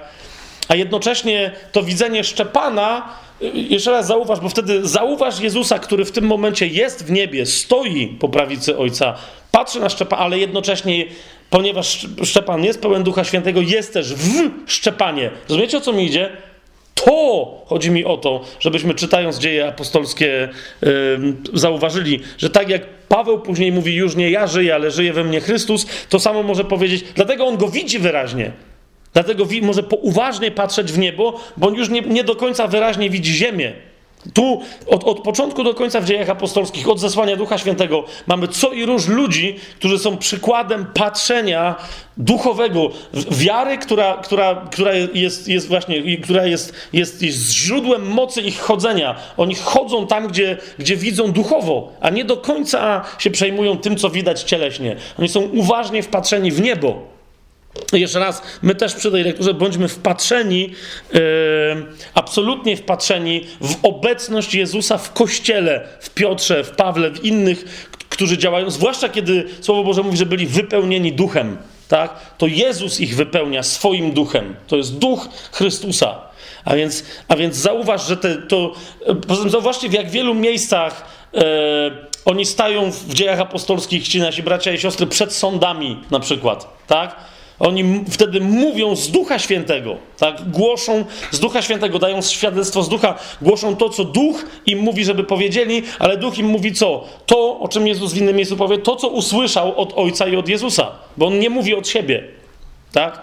Więc wszędzie, jak czytacie dzieje apostolskie, po prostu zrób sobie kiedyś taką lekturę od początku do końca. Przeczytaj dzieje apostolskie jako historię Jezusa obecnego, działającego i będącego znowu męczonym, ale też dającego świadectwo w swoim kościele i poprzez swój kościół. Jest to jasne, co mówię? I teraz jeszcze jeden aspekt. E, tego trochę jeszcze będzie. Yy, ale, ale tylko nadal zauważcie, ja mówię, nie mówię o Duchu Świętym, mimo że on się teraz pojawia, ale to nadal mówię w kontekście Pana Jezusa. Zobaczcie w 16 rozdziale Ewangelii Jana. Tu docieramy do bardzo jednej istotnej kwestii, o której potrzebujemy pamiętać, czytając dzieje apostolskie, bardziej niż w jakimkolwiek innym miejscu Pisma Świętego, właśnie w dziejach apostolskich. Zacznijmy od tego. Jan, 16 yy, rozdział, 5:7. Jezus zapowiada swoim uczniom tuż przed swoją śmiercią, że odchodzi. A i mówi tak, 16 rozdział, wersety 5 do 7. Teraz idę do tego, który mnie posłał, a żaden z was nie pyta mnie, dokąd idziesz? Samo to zdanie można byłoby rozkładać, ale teraz nie mam na to, na to czasu, tak? Ale ponieważ wam to powiedziałem, smutek napełnił wasze serce. Lecz ja mówię wam prawdę. I tu posłuchajcie, co za, co za tekst. Pożyteczniej jest dla was, abym odszedł, jeżeli bowiem nie odejdę, pocieszyciel do was nie przyjdzie. A jeśli odejdę, poślę go do was. Pierwsza bardzo istotna rzecz, zwłaszcza w tym kontekście, że w dziejach apostolskich Duch Święty bywa, napisa- bywa nazywany przez samego nawet Pana Jezusa obietnicą Ojca, lub też po prostu darem Ducha Świętego, który niektórzy rozumieją, że daje Ojciec. Otóż zauważcie, zauważcie, chociażby w tym miejscu Jezus mówi: Ja poślę go do was. Jeżeli ja nie pójdę do Ojca, to Ojciec beze mnie, on nie to, że nie może, ale beze mnie go do was nie pośle. To jest dar wymyślony, wymyślony, żyjący w Ojcu i Ojciec go wam da, ale da go jak? Przeze mnie. Ojciec go da mnie, a ja go dam wam. Jezus daje Ducha Świętego Kościołowi od Ojca. Ok? I teraz yy, idźmy, jesteśmy tutaj, to zobaczmy 15 rozdział chociażby yy, tej Ewangelii. Zobaczcie 26 i 7 werset. A propos tego pocieszyciela, Jezus mówi, kiedy jednak przyjdzie pocieszyciel, z 15 rozdziału Ewangelii Jana 26-27, kiedy jednak przyjdzie pocieszyciel, którego ja wam poślę od Ojca, zauważcie, którego ja wam poślę od Ojca. Więc kiedy przyjdzie pocieszyciel, którego ja wam poślę od Ojca, Duch Prawdy, który wychodzi od Ojca, On będzie świadczył o mnie. Ale i wy będziecie świadczyć, bo jesteście ze mną od początku. Zauważcie, to posłannictwo, w ramach którego Jezus mówi, będziecie moimi świadkami, de facto jest posłannictwem Ducha Świętego, ale jeszcze raz tego Ducha Świętego wychodzącego od Ojca, rozkochanego w Ojcu, który, nawiasem mówiąc, przychodzi na ziemię, żeby wykonać, żeby wykonać misję tak naprawdę, y, tak naprawdę dla Jezusa, bo zobaczcie w 16 rozdziale, w 14 wersecie Jezus mówi, że Duch Święty, kiedy przyjdzie na ziemię, on, go przyjdzie, on przyjdzie na ziemię, żeby uwielbiać Jezusa. To jest odlot. Tak? On mówi, on mnie uwielbi, bo weźmie z mojego i wam oznajmi. O, po prostu, tak? Niektórzy mówią, dlaczego w, w, Nowym Testamencie w zasadzie nie ma modlitw do Ducha Świętego czy oddawania czci Duchowi Świętemu. Dopóki Jezus był na ziemi, jemu też nikt czci nie oddawał. Wiecie o co mi chodzi? I dopiero kiedy poszedł do nieba, zasiada po prawicy Ojca, te, teraz widzimy, jest we właściwej chwale swojego majestatu i oddajemy mu cześć. Dopóki Duch Święty jest na ziemi, z nami, nas naucza i prowadzi, to jego podstawowym zadaniem tutaj jest uwielbiać Jezusa i uwielbiać Ojca. I to jest to, co On w nas, dla nas e, robi. Przyjdzie natomiast taki czas, że i Duchowi Świętemu yy, oddamy właściwie we właściwy sposób cześć. W 14 rozdziale Ewangelii Jana już to cytowałem, ale jeszcze raz powtórzę. Jezus mówi: Ja będę prosił Ojca i dawam innego pocieszyciela, aby z wami był e, na wieki. Więc to jest na prośbę Jezusa. Ojciec udziela Ducha Świętego, potem widzicie, daje go Jezusowi i Jezus go, e, Jezus go mm, przekazuje dalej. Zauważcie, w Ewangelii Łukasza w 24 rozdziale, w 49 wersecie, Jezus co prawda mówi, że obietnica jest Ojca, ale popatrzcie, jak brzmi zdanie. 24 rozdział Ewangelii Łukasza, 49 werset. Jezus mówi: Oto ja ześlę na was obietnicę mojego Ojca. A wy zostańcie w mieście Jerozolimie, aż będziecie przeobleczeni tą mocą z wysoka. Ja ześlę na was obietnicę mojego Ojca. Ok? Dalej, e, w Ewangelii Mateusza, w pierwszym rozdziale, w 20 wersecie mamy powiedziane,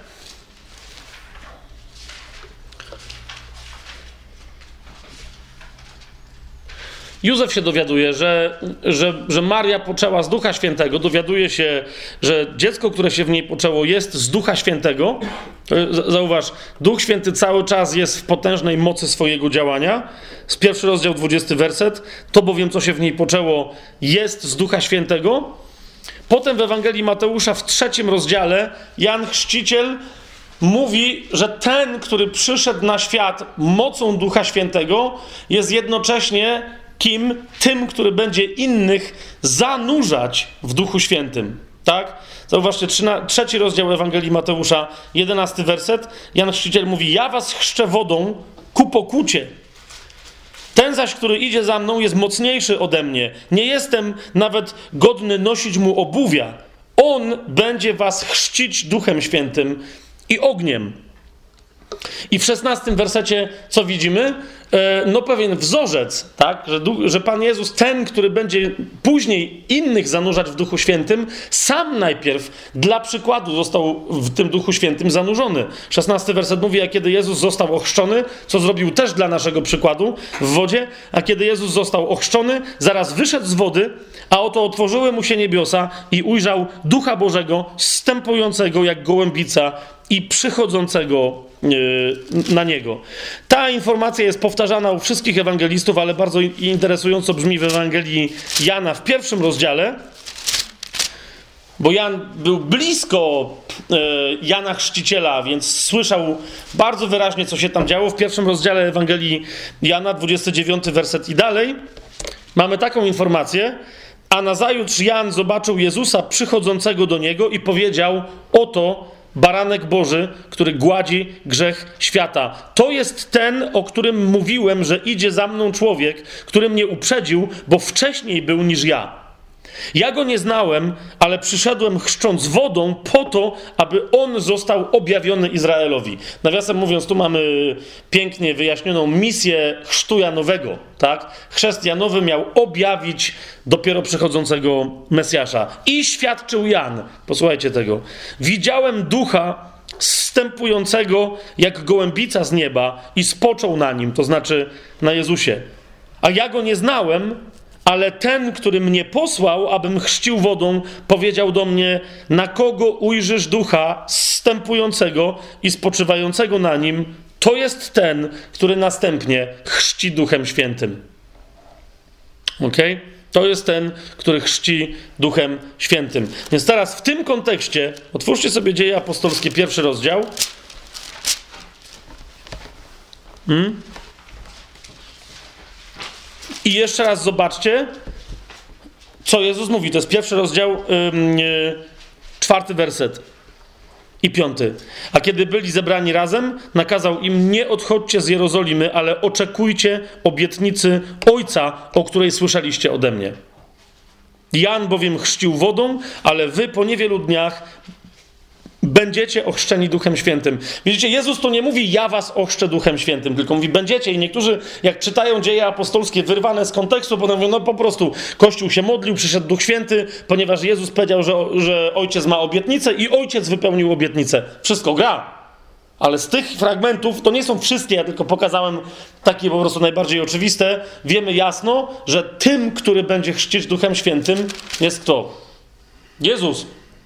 A więc wypełnienie tej obietnicy, zauważ, jeżeli chcesz zobaczyć Pana Jezusa w akcji, to zobacz, drugi rozdział dziejów apostolskich, wersety 1 do 4. A kiedy nadszedł dzień pięćdziesiątnicy, wszyscy byli jednomyślnie na tym samym miejscu. Nagle powstał odgłos z nieba, jakby uderzenie gwałtownego wiatru, i wypełnił cały dom, w którym siedzieli. Ukazały się im rozdzielone języki, jakby z ognia, które spoczęły na każdym z nich, i wszyscy zostali napełnieni Duchem Świętym i zaczęli mówić innymi językami, tak jak im Duch pozwalał mówić. Wiem, wiem, że tu jest Duch Święty. ok? To jest przyjście Ducha Świętego, ale jeszcze raz dostrzeż w tej akcji Jezusa, ponieważ ta akcja jest zapoczątkowana przez Jezusa, jest wyproszona przez Jezusa jest, że się tak wyrażę, sprokurowana i przeprowadzona przez Jezusa. Ok? Za każdym razem, kiedy widzisz chrzczenie w Duchu Świętym. Zobacz, dzieje apostolskie, yy, ósmy rozdział. Tak? 14 na przykład 14 i, i, i dalej. Zauważ, czytamy historię i, i, jest tu troszeczkę wspomniany Duch Święty, ale jakby tak, że tak powiem, narzędziowo Pana Jezusa wydaje się, że w ogóle tu nie ma. Zauważ, to jest Jezus, który wykonuje swoją akcję i w wyniku tej akcji akcję przeprowadza Duch Święty. Oni są na pierwszym planie, nawet jeżeli po ludzku ich nie widać. Zobacz, Ósmy rozdział dziejów apostolskich, czternasty werset. Kiedy apostołowie, którzy byli w Jerozolimie, usłyszeli, że Samaria przyjęła Słowo Boże, wysłali do nich Piotra i Jana, którzy przyszli tam i modlili się za nich, aby otrzymali Ducha Świętego. Na żadnego z nich bowiem jeszcze nie zstąpił. Byli tylko ochrzczeni w imię Pana Jezusa. Wtedy kładli na nich ręce, a oni otrzymywali Ducha Świętego. Po pierwsze, masz ludzi, którzy tam są zgromadzeni w imieniu Jezusa, to co to oznacza? Że Jezus jest pośród nich. Po drugie, modlą się w zgodzie z wolą Jezusa jako Pana, a wtedy Jezus co? W odpowiedzi na ich modlitwę, która jest zgodna z Jego wolą, posyła od Ojca Ducha Świętego, żeby rozpoczął działanie w kolejnych, ochrzczonych już w Jego śmierci i żyjących mocą Jego zmartwychwstania. Jest to jasne, co tu mówimy? Dzieje apostolskie 9, 17. Spójrzcie, jak Ananiasz to widzi. Ten Ananiasz, który z początku nie chciał z Pawłem nie, mieć, nie chciał mieć z nim nic wspólnego. Dzieje apostolskie 9:17. Wtedy Ananiasz poszedł, wszedł do domu, bo jak już się zgodził, mówi: Oczywiście, panie Jezu, idę. Poszedł do Szawła. Wtedy Ananiasz poszedł, wszedł do domu, położył na nim ręce, to znaczy na Szawła, i powiedział: Saulu, bracie, Pan mnie posłał.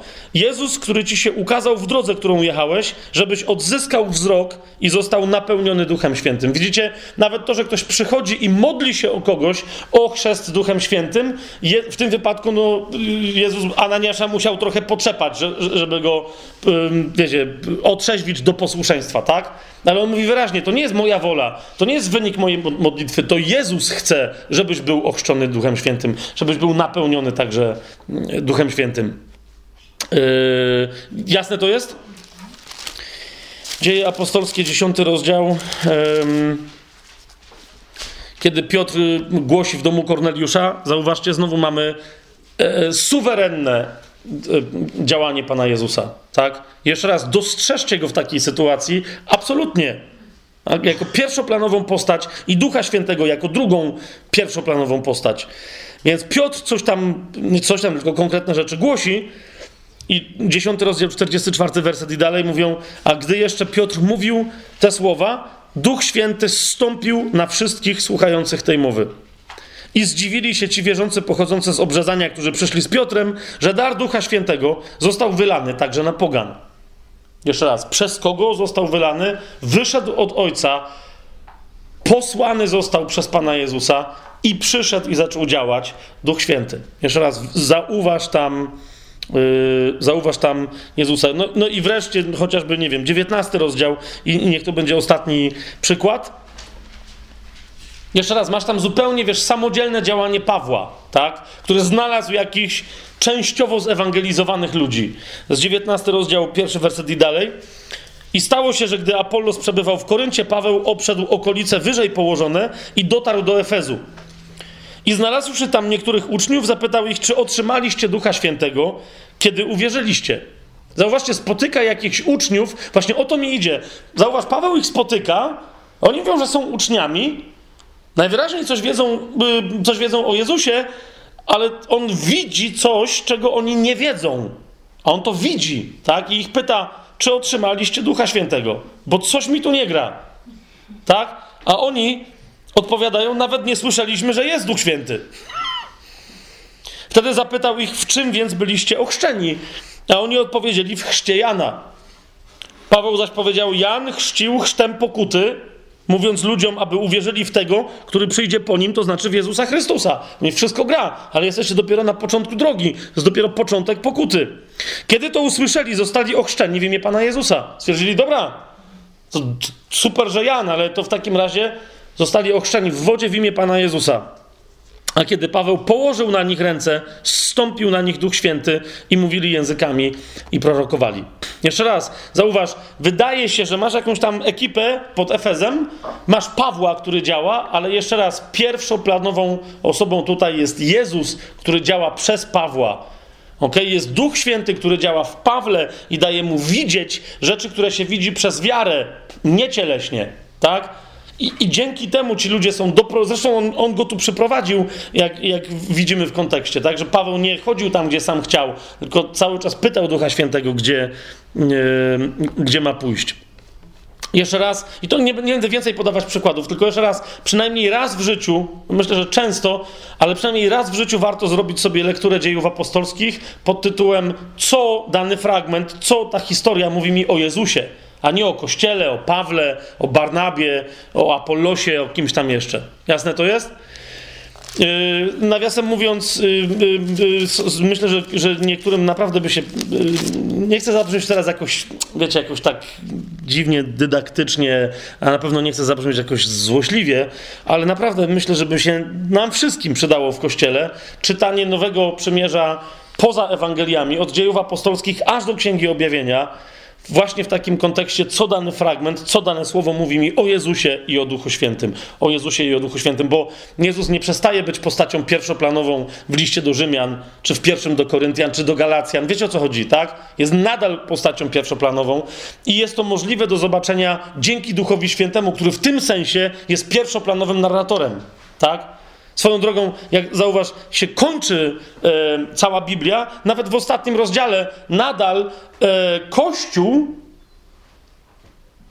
który wydaje się, że pisze Nowy Testament, Kościół znajduje się tylko pomiędzy Jezusem jako potężną postacią i Duchem Świętym jako drugą potężną postacią. Otwórzcie sobie dzieje apostolskie, 22 mm, mm, e, rozdział.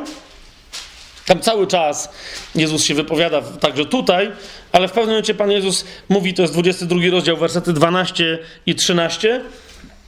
Jezus mówi: A oto przyjdę wkrótce, a moja zapłata jest ze mną, aby oddać każdemu według jego uczynków. Ja jestem Alfa i Omega, początek i koniec, pierwszy i ostatni. Jest, rozumiesz, chodzi o to, żeby czytać Nowe Przymierze i widzieć Jezusa od początku do samego końca takiego. Nawet tam, gdzie wydaje ci się, że słowo nie może mówić o nim, bo on jest słowem. Ok? Ale tu, zobacz, jest taki Jezus. Na końcu, zobacz, 16-17 werset. Ja, Jezus, posłałem mojego anioła, aby wam świadczył o tym w kościołach. Ja jestem korzeniem i potomkiem Dawida, jasną gwiazdą poranną. I zauważ, w odpowiedzi na tą wypowiedź potężną, sędziowską, zapowiadającą powrót samego Jezusa, odpowiada kto? Odpowiada duch. A duch i oblubienica, czyli Kościół, mówią przyjdź.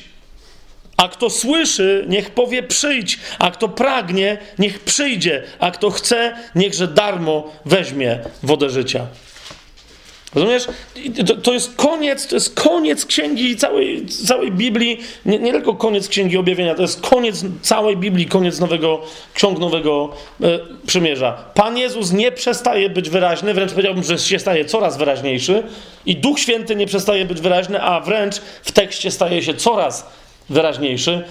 Przy jednoczesnym wezwaniu wsłuchaj się w głos Ducha Świętego, żeby się przyłączyć do Jego głosu. Pod Ducha Świętego i przestań patrzeć swoimi oczami, a zacznij widzieć Jego, Ducha Świętego, oczami. Teraz, kochani, jak już mamy jedną postać przedstawioną, bo Piotr i Paweł to, jak mówię, są przykłady rozwoju Kościoła. Postać pierwszoplanowa to jest Pan Jezus, i być może do następnego tygodnia byłoby dobrze, e, bo to jest interaktywne studium, w ramach którego najważniejsza jest nasza potem osobista aktywność. Więc może dobrze byłoby do przyszłego tygodnia właśnie przeczytać sobie dzieje apostolskie. Nawet jak ktoś nie pierwszy raz to będzie musiał zrobić, ale już to robił tysiąc razy. To tysiąc i pierwszy raz przeczytać dzieje apostolskie jako opowieść o Panu Jezusie. Ale dosłownie, rozumiesz, weź sobie dzieje apostolskie z takim zadaniem. Jak opowiedziałbym o działaniu Jezusa w pierwszych 30 latach Kościoła. Na przykładzie dziejów apostolskich. To co bym opowiedział? Zauważ, i tak czytaj, co zrobił Jezus. Dzieje apostolskie to jest to, co Jezus po początkowych rzeczach, które zrobił i których nauczał, to, to jest to, co Jezus następnie robił i nauczał przez swój Kościół w swoim, yy, w swoim duchu. Teraz dlaczego to jest istotne? Bo yy, yy, następnym razem Będziemy, czyli za, za tydzień, skoncentrujemy się właśnie na Duchu Świętym. Myślę, że żyjemy, w, wiecie, w takiej epoce, że raz, po pierwsze, Bóg jako jeden, ale potrójny, trójjedyny Bóg jest atakowany na różne sposoby. Im bliżej jesteśmy nadejścia e, Pana Jezusa, jest atakowane bóstwo Jezusa.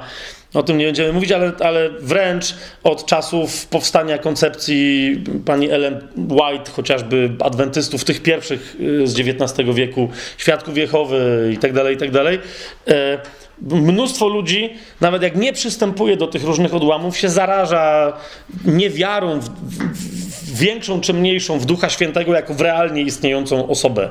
Tylko nawet jak mówią, tak, wiem, ja wyznaję, to potem i tak de facto praktycznie uważają go za jakiś rodzaj właśnie mocy Bożej działającej, jakiegoś prądu, jakiejś energii, a nie widzą go jako pełnoprawnej osoby, tak jak jasno widać e, Jezusa czy Ojca, na przykład w Starym Przymierzu, działającego. Duch Święty jest dokładnie tym Bogiem, tak, który się objawia tak, jak chce się pod, poprzez tę postać objawiać. Duch Święty jest konkretną um, osobą, a więc następnym razem będziemy sobie chcieli odpowiedzieć, kim jest Duch Święty, jako kto się objawia w dziejach apostolskich i dalej, oraz w tym kontekście, czym jest de facto e, chrzest w Duchu Świętym. Żeby pobudzić Wasze zainteresowanie, chociażby, e, to będą ostatnie trzy cytaty, którymi się dzisiaj posłużę, na, naprawdę. Ty, tylko po to, żeby pobudzić Wasze zainteresowanie. Zauważ, jak dzisiaj, gdybym Cię dzisiaj zapytał, tak, bo tu jest wiele osób ochrzczonych w Duchu Świętym, jeżeli nie wszyscy nawet, e, ochrzczonych w Duchu Świętym y, i tak dalej. Jakbym Cię zapytał, co to jest chrzest w Duchu Świętym, już mówiliśmy sobie o tym, że to nie do końca jest pierwsze przyjście Ducha Świętego do człowieka. Wraz z nowonarodzeniem, tak, przychodzi do nas Duch Święty i, i życie Boże w nas się zaczyna przez przyjście Ducha Świętego. Czym jest de facto chrzest w Duchu Świętym?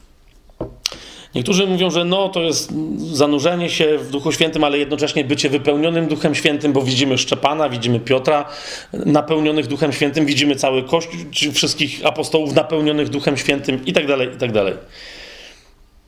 Okej. Okay. Ale otwórzcie sobie pierwszy rozdział I, i teraz ja celowo zrobię pewną rzecz, mianowicie odwołam się do tego samego autora i w tym sensie do tego samego dzieła, tylko do pierwszego tomu. Tak? Mianowicie ten autor, który nam mówi, że Jezus powiedział: czekajcie na obietnicę Ojca, a więc jednocześnie w przyszłym tygodniu chciałbym, żebyśmy sobie odpowiedzieli na pytanie, co to jest obietnica Ojca. Do, dokładnie. Bo niektórzy mówią, no obietnicą Ojca jest Duch Święty. No, no nie.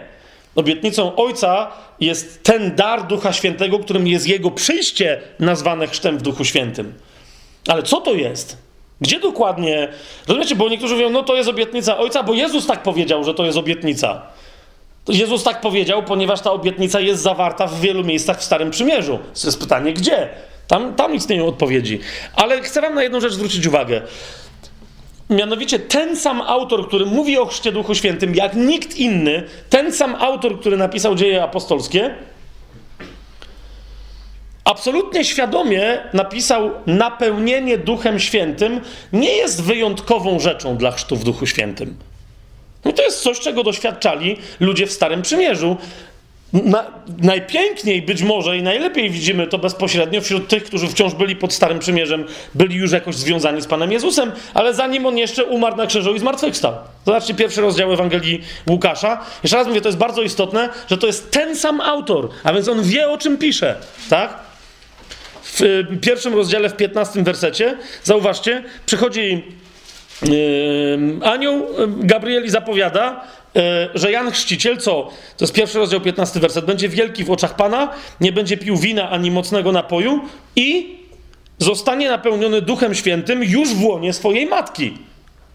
Jan Chrzciciel, o którym Jezus później powie, że nie było pod niebem większego narodzonego z niewiasty niż Jan Chrzciciel, ale jednocześnie mówi, ale każdy w królestwie jest większy od niego. Pamiętacie to? A więc Jan Chrzciciel, należący do porządku Starego Przymierza, przychodzi anioł i mówi, będzie jeszcze w łonie swojej matki napełniony Duchem Świętym. Zobaczcie 41 werset, który nam mówi, jak to w łonie matki Jan Chrzciciel został napełniony Duchem Świętym. Otóż tak, że przy okazji jego matka została też napełniona Duchem Świętym. Mianowicie, gdy Elżbieta usłyszała pozdrowienie Marii, to jest pierwszy rozdział, 41 werset. Poruszyło się dziecko w jej łonie, a Elżbieta została napełniona Duchem Świętym. Mamy następną osobę. Do chrztu w Duchu Świętym, do pięćdziesiątnicy jest jeszcze hoho i trochę. Pan Jezus się jeszcze nie urodził, a tu już mamy dwie osoby. To jeszcze ktoś powie, że no oczywiście Maria jest napełniona Duchem Świętym, ale okej, okay, co do tego Yy, okej, nie chcę tego rozwijać teraz. Potem mamy jeszcze lepszego zawodnika, bo, bo przynajmniej, no okej, skoro, skoro Pan napełnił Jana Chrzciciela w łonie matki, to i matka była napełniona. Ale zauważcie, ojciec, który dopiero co był niemową, dlatego że nie uwierzył aniołowi z jakiegoś powodu, też został napełniony Duchem Świętym i to dokładnie z taką mocą, że chłop zaczął prorokować. No właśnie 67 werset. Jak go zapytali, mówią, hej, jak, jak się ma nazywać ten twój syn? I on napisał, że to będzie Jan. Już w tym momencie uwierzył. I zauważcie, co się dzieje? Zostaje napełniony Duchem Świętym. 67 werset mówi: Zachariasz, jego ojciec, będąc napełniony Duchem Świętym, prorokował. I potem mamy jedno z najpotężniejszych proroctw, nie najpotężniejsze, ale jedno z naprawdę gigantycznych proroctw na temat Pana Jezusa. Mamy trzy napełnienia Duchem Świętym w pierwszym rozdziale Ewangelii Łukasza. Potem mamy całą Ewangelię Łukasza, a więc w takim razie, kochani, jeżeli chrzest w Duchu Świętym jest czymś nowym, a ewidentnie jest, to znaczy, że musi być czymś jeszcze więcej niż tylko byciem wypełnionym Duchem Świętym, które powoduje mówienie językami, a zwłaszcza prorokowanie. Znaczy, że musi się wydarzyć coś znacznie, znacznie więcej. To znaczy, że nawet jak ci byli wypełnieni Duchem Świętym, a więc mieli doświadczenie, że On był z nimi. Pamiętacie to, co Jezus mówi w Ewangelii Jana? To jeszcze to nie jest doświadczeniem przebywania kompletnego Jego we mnie. To jeszcze nie jest pełna obietnica Ojca, bo Jezus dopiero na końcu tej Ewangelii mówi: czekajcie na obietnicę Ojca. Jeszcze raz. I to będzie ostatni werset Ewangelii Łukasza. 49 werset 24 rozdziału. Oto ja ześlę na was, mówi Jezus, już dorosły, zmartwychwstały Jezus w Ewangelii Łukasza. Oto ja ześlę na was obietnicę mojego Ojca, a wy zostańcie w mieście Jerozolimie, aż będziecie przyobleczeni mocą z wysoka. Następne nasze spotkanie będzie całkowicie skoncentrowane na obietnicy Ojca, na mocy z wysoka, na tym, kim jest Duch Święty i co to znaczy być w nim zanurzonym, być ochrzczonym w Duchu Świętym. Aleluja.